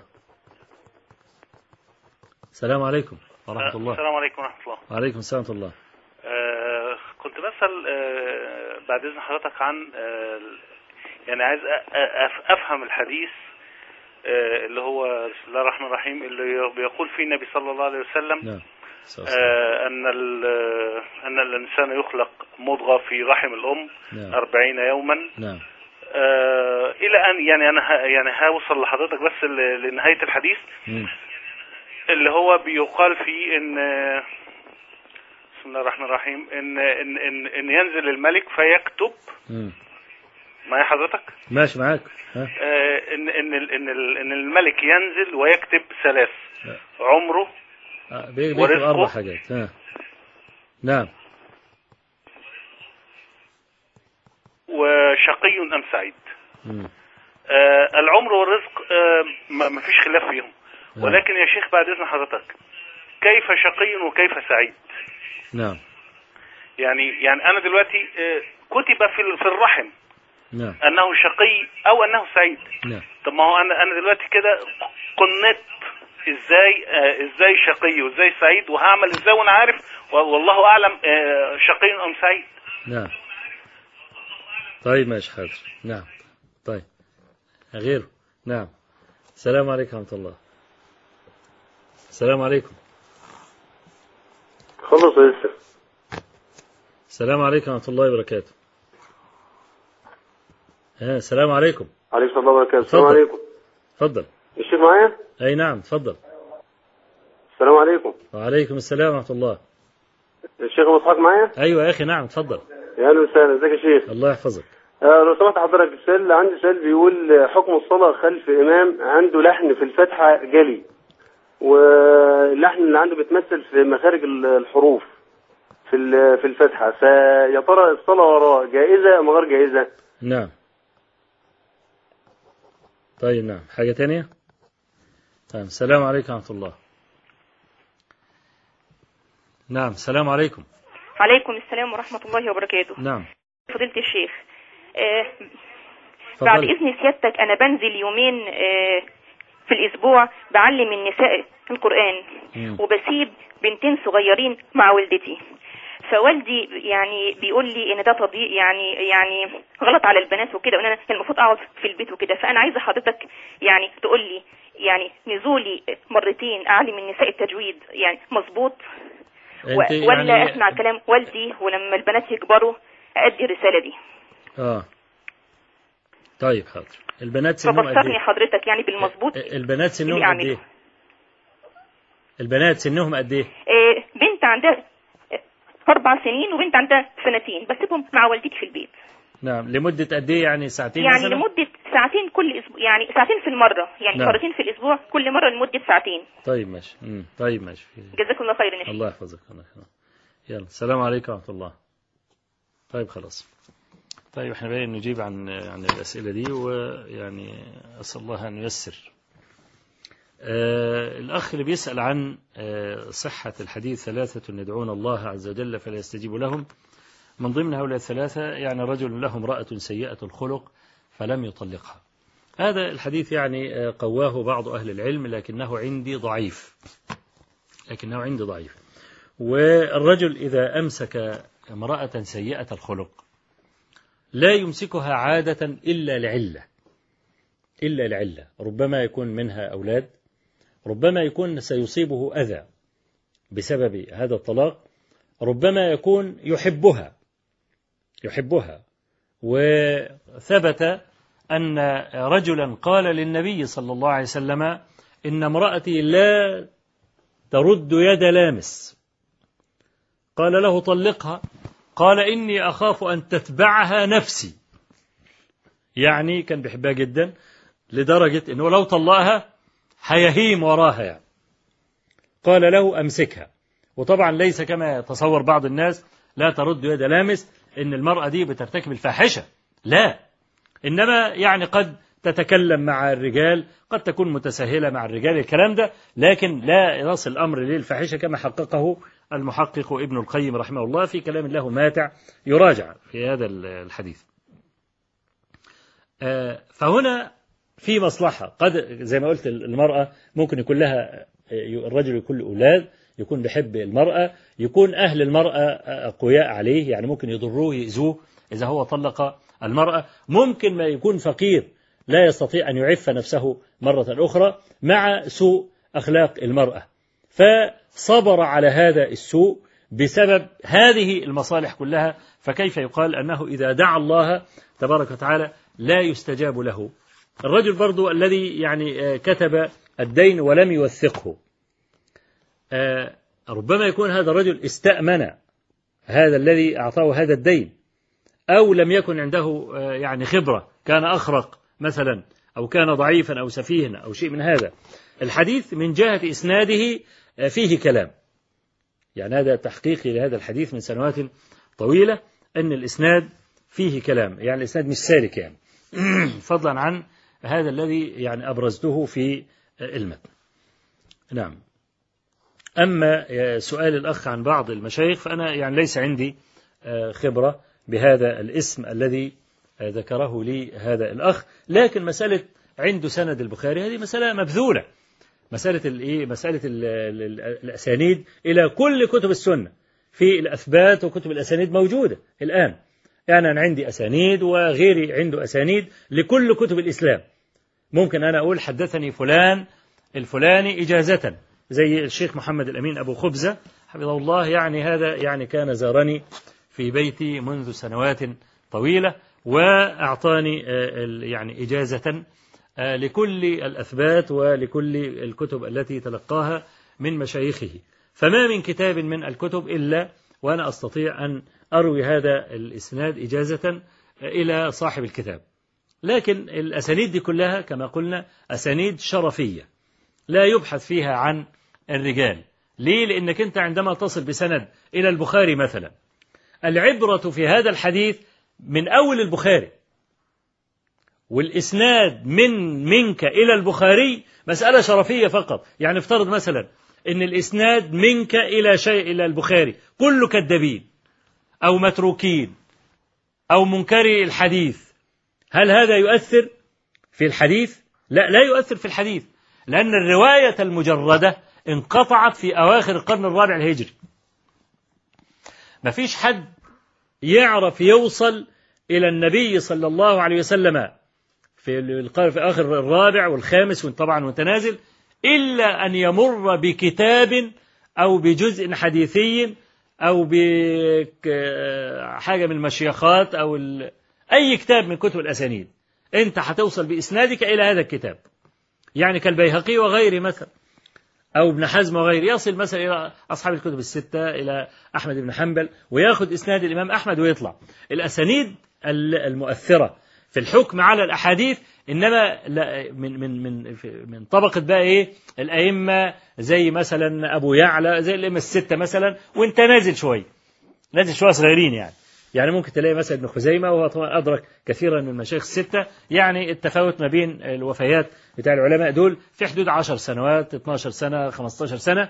إنما فيما يعني بعد ذلك كل ما تنزل تلاقي الراوي يصل إلى جزء أو يصل إلى كتاب فالطبقة الأولى دي اللي هي زي البخاري وزي الأئمة الستة ابن خزيمة أحمد هي دي اللي اسمها الأسانيد المجردة. يأخذ الإسناد بتاعه وإلى رسول الله صلى الله عليه وسلم.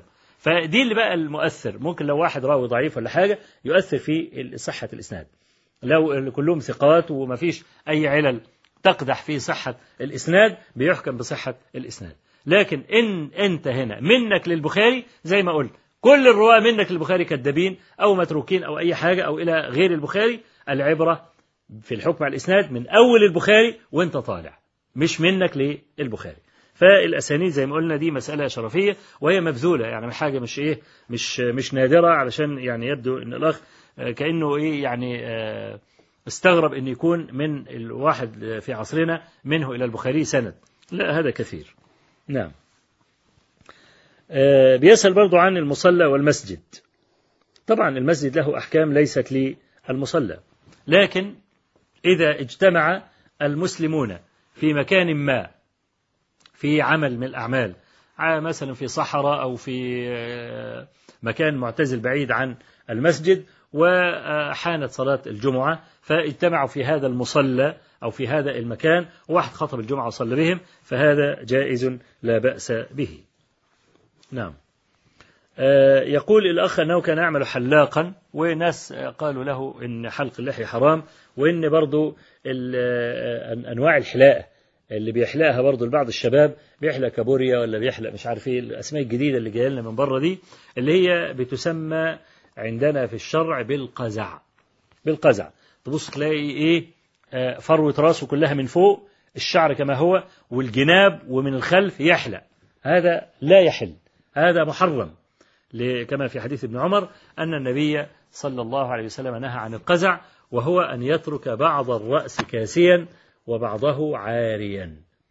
يقول شيخ الإسلام ابن تيمية رحمة الله عليه في يعني الحكمة في النهي عن القزع قال إن هذا من تمام محبة الله تبارك وتعالى للعدل وأنه إذا وأن المرء إذا ترك بعض الشعر كاس بعض الرأس كاسيا وبعضه عاريا فقد ظلم الجزء الذي تركه عاريا من الشعر.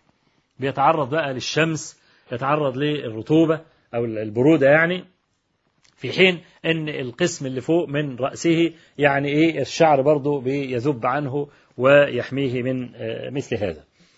فهذا طبعا كله حرام. لا يجوز حلق اللحية. نعم لأن حلق اللحية حرام وكذلك لا يجوز القزع. وما أشبه ذلك ويجب على هذا الأخ أن يبحث عن مهنة أخرى. غير هذا إذا كان الناس هيقبلوه أن هو يحلق الشعر الحلاقة الشرعية يعني ما يكونش فيها حلقات مخالفة فلا بأس بذلك. وطبعا هذا قد يتعذر عليه بل الراجح أنه يتعذر عليه أن يفعل شيء من هذا ولذلك نحن ننصحه آه، إن هو إيه يعني آه، يبحث عن منهة أخرى.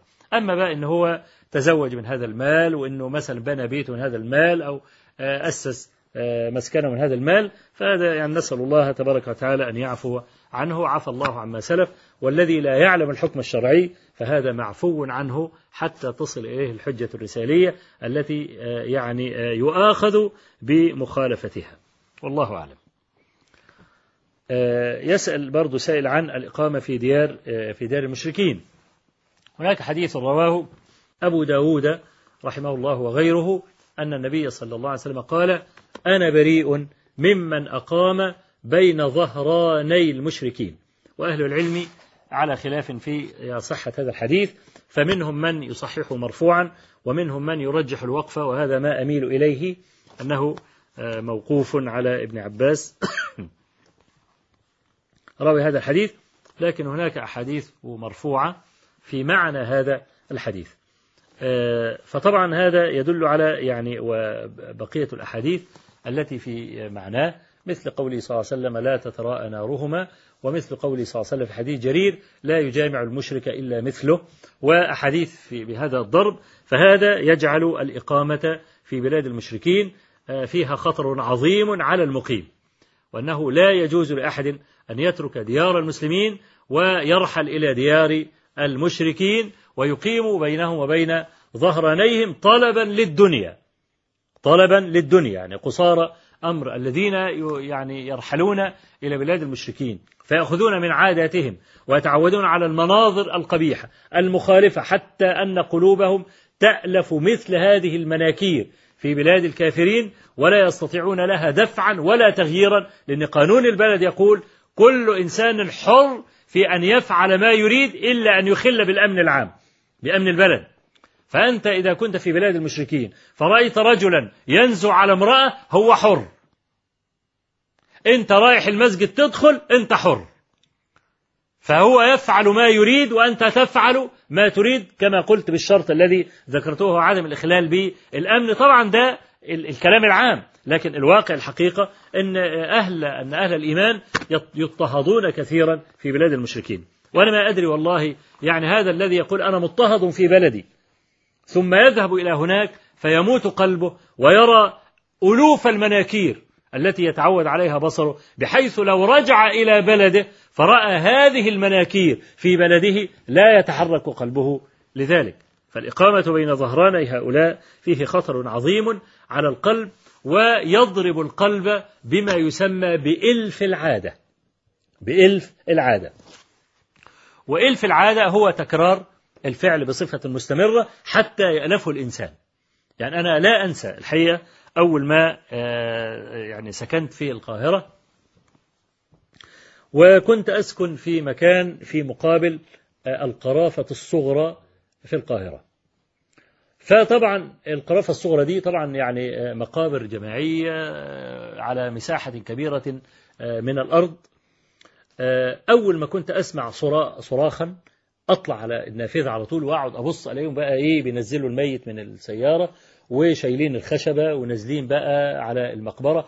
كل ده وأنا عمال أستحضر الأحاديث زي حديث البراء بن عازب وبتاع وهذا الرجل ماذا يرى الآن. ولما أغلقت عليه المقبرة. كيف حاله الآن؟ وأستحضر بقى المنكر ونكير والسؤال وأجاب ولا لأ كان فاسقا ولا كان مطيعا؟ كل الأفكار دي كانت تأتيني ولا أغادر النافذة أبدا إلا بعد ما ينصرف المشيعون لهذا الميت. وأرجع بقى لا لي نفس آكل ولا أشرب وحزين وأظل يوم ويومين لا أنتفع بنفسي. كان بيدفنوا في اليوم تقريبا في حدود مثلا 3 4 5 جنازات اللي أنا كنت إيه بكون حاضر في المسكن في يعني وقت الدفن يعني. المسألة دي استمرت معايا شهر. وبعدين بدأت تخف. خلاص بقيت قليل الذهاب للنافذة. أسمع صراخ أعرف إن خلاص هيدفنوا ميت. وخلاص. ما عدتش رجلي بقت تقيلة على النافذة. شيئا فشيئا ما عدتش ما عادش عندي الإحساس القديم الإحساس الأول. بهذه الغربة والكلام المشاعر التي ذكرتها الآن. بعد كده كانوا رصفوا طرق ما بين المقابر عشان يختصروا بقى المسافات بالنسبة للطرق الكبرى. كنت بعدي بالسيارة من من وسط المقابر. أقول الدعاء صحيح لكن لا يهتز قلبي مثلما كان يهتز في المرة الأولى. إيه السبب في هذه القضية؟ إيه في العادة؟ تعودت إن أنا كل يوم أشوف عدة موت. هو الحنوتي ده يعني ملوش قلب. هو يعني قلبه قدم الحجر. الحنوت النهاردة بيدخل زي ما إحنا شفناه بيدخل بيخرج من المقبرة بيستهزئ بالميت. واحد حنوتي قال مرة ضربت الميت على قفاه. قال كل ما اعدله يوم معوج. ضربه على قفاه اتعدل يا أخي. قال طيب إزاي يعمل حاجة زي كده؟ إلا بإلف العادة المستمر. فإلف العادة أخطر مرض يضرب القلب. فلما يكون واحد في بلاد المشركين يرى كل هذه المناكير سبحان الله. يعني أنا لما كنت مرة في زيارة لبعض البلاد الأجنبية يعني وبعدين رحت أشتري حاجة من السوق قبل أن أسافر. وكان معايا مجموعة من الشباب في مصر قاعدين في البلد دي. فإحنا وإحنا رايحين للمحل عدينا على سينما. فطبعا سينما طابور وبعدين كل حاجة تشوفها بقى يعني. الولد مع البنت عمال يحضنها ويقبلها وبتاع والكلام بيسلوا نفسهم على ما وصلوا للراجل اللي بيقطع التذاكر يعني. فأنا الحقيقة أول ما طلعت شفت المنظر ده كأن أحدا رماني بحجر. وحسيت بقبضة في قلبي كده و... ف... فبلتفت أين أصحابي اللي معايا؟ فبص لقيتهم بيضحكوا كده إيه ضحكة خبيثة يعني. فلما رجعنا إلى المسكن قلت لهم يعني شفتكم بتضحكوا كده. قالوا والله إحنا قلنا هنبص لك. هل سيظهر على وجهك ما ظهر على وجوهنا أول مرة لما جئنا إلى هذا البلد؟ طب هو إيه اللي حصل له يعني؟ خلاص بيشوف المناظر دي ليل نهار. فهي مشكلة الحقيقة كبيرة في السكنة في بلاد المشركين. أما طبعا بالنسبة لمن استوطن هناك فهذا لا يعد حينئذ مسافرا فهذا يجب عليه أن يتم الصلاة. أما بقى حديث الصادق المصدوق اللي هو الأخ بيقول يعني إزاي يكتب شقي أو سعيد؟ يبقى خلاص يبقى نبطل شغل. طالما كل واحد فينا معروف أنه سيدخل النار أو سيدخل الجنة ففيما العمل؟ ده بكل أسف من الخطل والخطأ الذي دخل علينا في فهم الإسلام.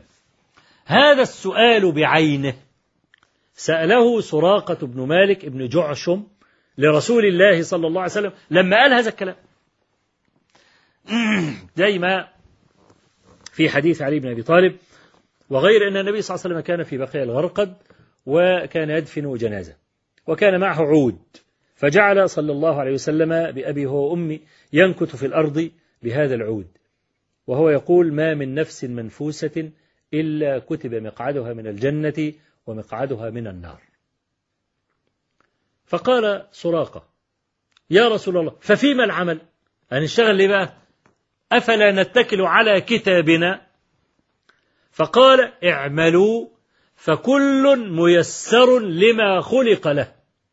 فمن كان من أهل السعادة فسييسر إلى عمل أهل السعادة. وإن كان من أهل الشقاوة سييسر إلى عمل أهل الشقاوة.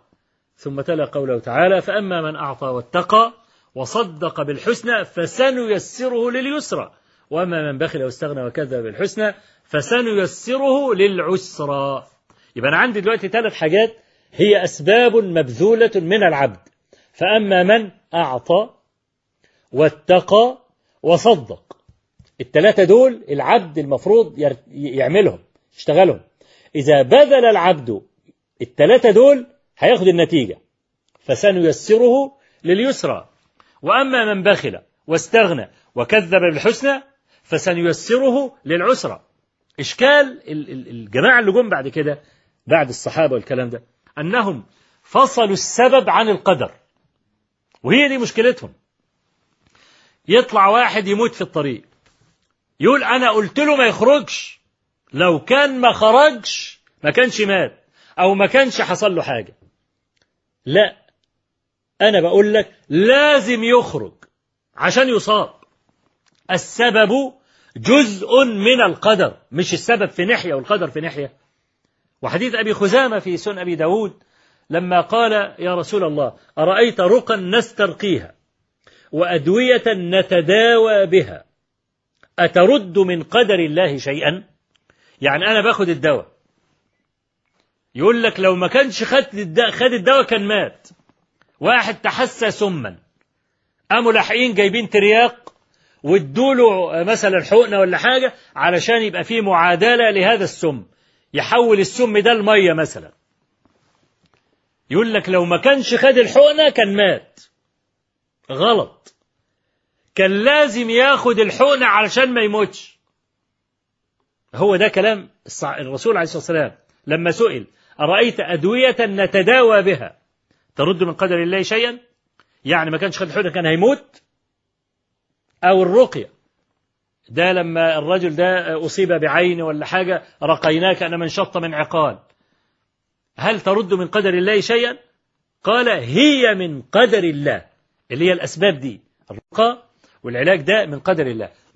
الإشكال جاء للناس إنه فصل السبب خلاه في ناحية وخلى القدر في ناحية تانية. يقول لي طيب إذا كان مكتوب علي شقي أدخل النار ليه؟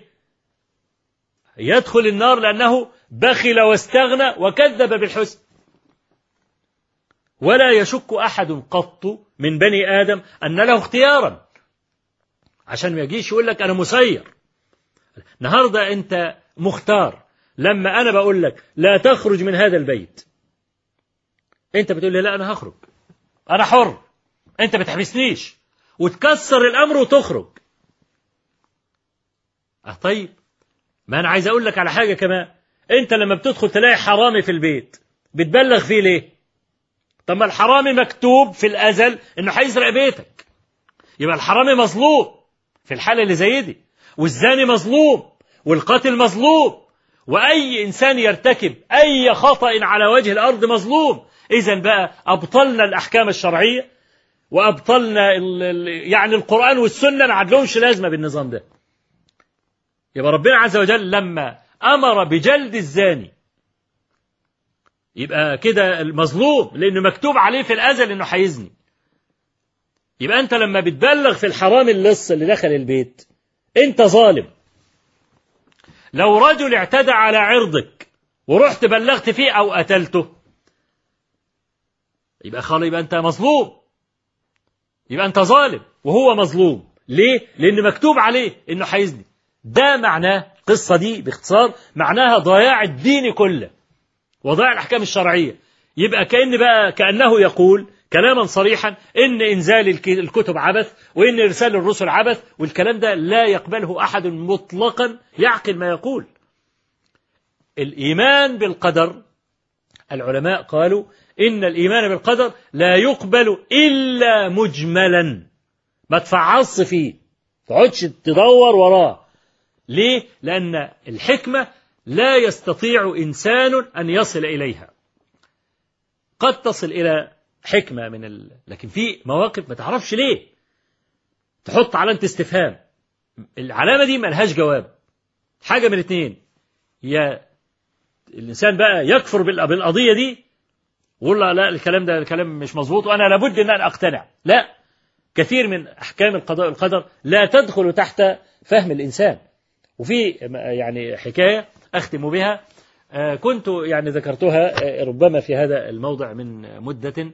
طويلة تبين لك أن هناك حلقات في الأحداث الجارية التي قد تراها بعينيك لا يعرفها إلا الله. فلا بد إذا كنت تعتقد وهذا يجب عليك اعتقاده أن الله حكيم يبقى لا تعترض عليه. لأنك لا تدري. إحنا والله المثل الأعلى كبني آدم ممكن تلوم إنسان. أنت ليه عملت كده؟ أنت ليه خليت كده؟ إذا ذكر لك العذر قول له والله ما كنتش أعرف. أنت فعلا كده معذور. طب إذا لم يبدو هذا العذر لك أو هو لم يتطوع بذكر هذا العذر هيفضل متهم ولا لا؟ هيفضل متهم مع أن له عذرا. فأنا أضرب المثل أو أذكر الحكاية الآتية من باب توضيح المراد. فقد ذكر أبو الشيخ الأصبهاني أن نبيا من أنبياء بني إسرائيل كان يجلس بالقرب من بئر ماء. فجاء رجل فارس عايز يشرب نزل من على الفرس بتاعه شرب مية وهو خارج بقى من البئر سقطت حافظة نقوده. كيسة صرة فيها فلوس سقطت منه. ولم إيه يلتفت إليها لأنه ما خدش باله من الموضوع. انطلق الفارس فجاء راعي غنم برضه يرد الماء فشرب والغنم شربت وبتاع أم لقى السرة أم واخدها؟ حاططها في جيبه. وانصرف. فجاء رجل كبير في السن شيخ يعني كبير في السن فليشرب من شرب من البئر ثم جلس على حافة البئر إيه؟ يلتقط أنفاسه. في هذه اللحظة بحث الفارس عن المال لم يجد المال قال لك بس الفلوس عند البئر. رجع البئر رجع إلى البئر علشان يلتقط المال راح لقى الراجل الشيخ الكبير ده قاعد. قال له فلوس قال له فلوس إيه؟ قال له الفلوس طلع الفلوس. أنت واخد الفلوس ومخبيها والكلام. الراجل قال له ما شفتش حاجة؟ قال له لا شفت ما شفتش شفت. ضربه بالسيف طير رقبته. طب الراجل الشيخ ده خد الفلوس؟ لا ما خدش الفلوس. طب إزاي تضرب رقبته؟ وهو ما خدش الفلوس. إذا مظلوم. فهذا النبي صلوات الله عليه من بني إسرائيل قال يا رب ضربت عنق الرجل ولم يأخذ المال إنما أخذ المال الراعي. فجل لي الحكمة في ذلك. فأوحى الله عز وجل إليه. قال إن والد الفارس أخذ هذا المال من والد الراعي فرددت المال إلى الوارث. رجع المال لمستحقه وهو إيه؟ الراعي ابن الراعي اللي اتاخد فلوسه وإن هذا الشيخ قتل والد الفارس فاقتصصت منه. أهو. عشان كده إحنا برضو بنقول ساعات كده واحد ماشي يكون ماشي بسيارة يضرب واحد يموت يهرب. حتى ما يوقفش يشوف الراجل اللي اتضرب ده قد يكون في روح. ممكن يبقى سبب من الأسباب اللي ربنا قدرها في الأزل ولا حاجة إن هو لو أخذ الرجل ده يكون سببا في نجاته مثلا. أو على الأقل يعمل اللي عليه ما يضربوش ويسيبه ينزف. لا يهرب. يمسكوه في قضية هو ما عملهاش. واحد تاني ضرب الراجل يمسكوه هو. أنت اللي ضربت. ويقسم بالله أنه ما فعل وقد صدق إنه ما ضربش البني آدم ده. لكن ضرب بني آدم تاني من ثلاث أربع سنين. يبقى اللي هرب ده لازم يعرف كويس جدا إنه برضه هتلبسه حاجة بسبب الكلام ده. فيبقى لولا إن الوحي أو أن الله عز وجل أوحى بهذا طب ما دي حلقات مفقودة أهو. حلقات مفقودة. إحنا ما نعرفهاش. يبقى لابد أن تسلم لله عز وجل فيما قضى. وصدق إبراهيم الحربي رحمه الله لما قال من لم يؤمن بالقدر لم يتهن بعيشه. يفضل طول عمره منكد. ده أغنى مني ليه؟ مفيش جواب. ده قوي وأنا ضعيف ليه؟ مفيش جواب. ده بيحكمني ليه؟ بيتحكم فيا ليه؟ مفيش جواب. ده ليه صحيح وأنا مريض؟ مفيش جواب. في الآخر هيجي له ضغط دم أو تصلب شرايين. وهيطلع في الآخر يتهم ربه تبارك وتعالى إن ربنا عز وجل ليس حكما عدلا. وطبعا هذا فيه من الكفران ما لا يخفى على أدنى إنسان له شيء من الفهم. لذلك إحنا بنقول يعني ليه يعني سائل هذا السؤال ومن يريد الإجابة عن هذا السؤال من ملايين الناس الذين لا يعرفون الحكمة؟ قول إبراهيم الحربي من لم يتهن من لم يؤمن بالقدر لم يتهنى بعيشه. فسلم لربك تبارك وتعالى إنه العليم الحكيم. أسأل الله تبارك وتعالى أن يجعل ما سمعناه وما قلناه زادا إلى حسن المصير إليه وعتادا إلى يمن القدوم عليه. إنه بكل جميل كفيل وهو حسبنا ونعم الوكيل. وصلى الله وسلم وبارك على نبينا محمد والحمد لله رب العالمين. إن المتقين في جنات ونعيم. فاكهين بما آتاهم ربهم ووقاهم ربهم عذاب الجحيم. كلوا واشربوا هنيئا بما كنتم تعملون. متكئين على سرر مصفوفة. وزوجناهم بحور عين. والذين آمنوا واتبعتهم ذريتهم بإيمان ألحقنا بهم ذريتهم وما ألتناهم من عملهم من شيء. كل امرئ بما كسب رهين.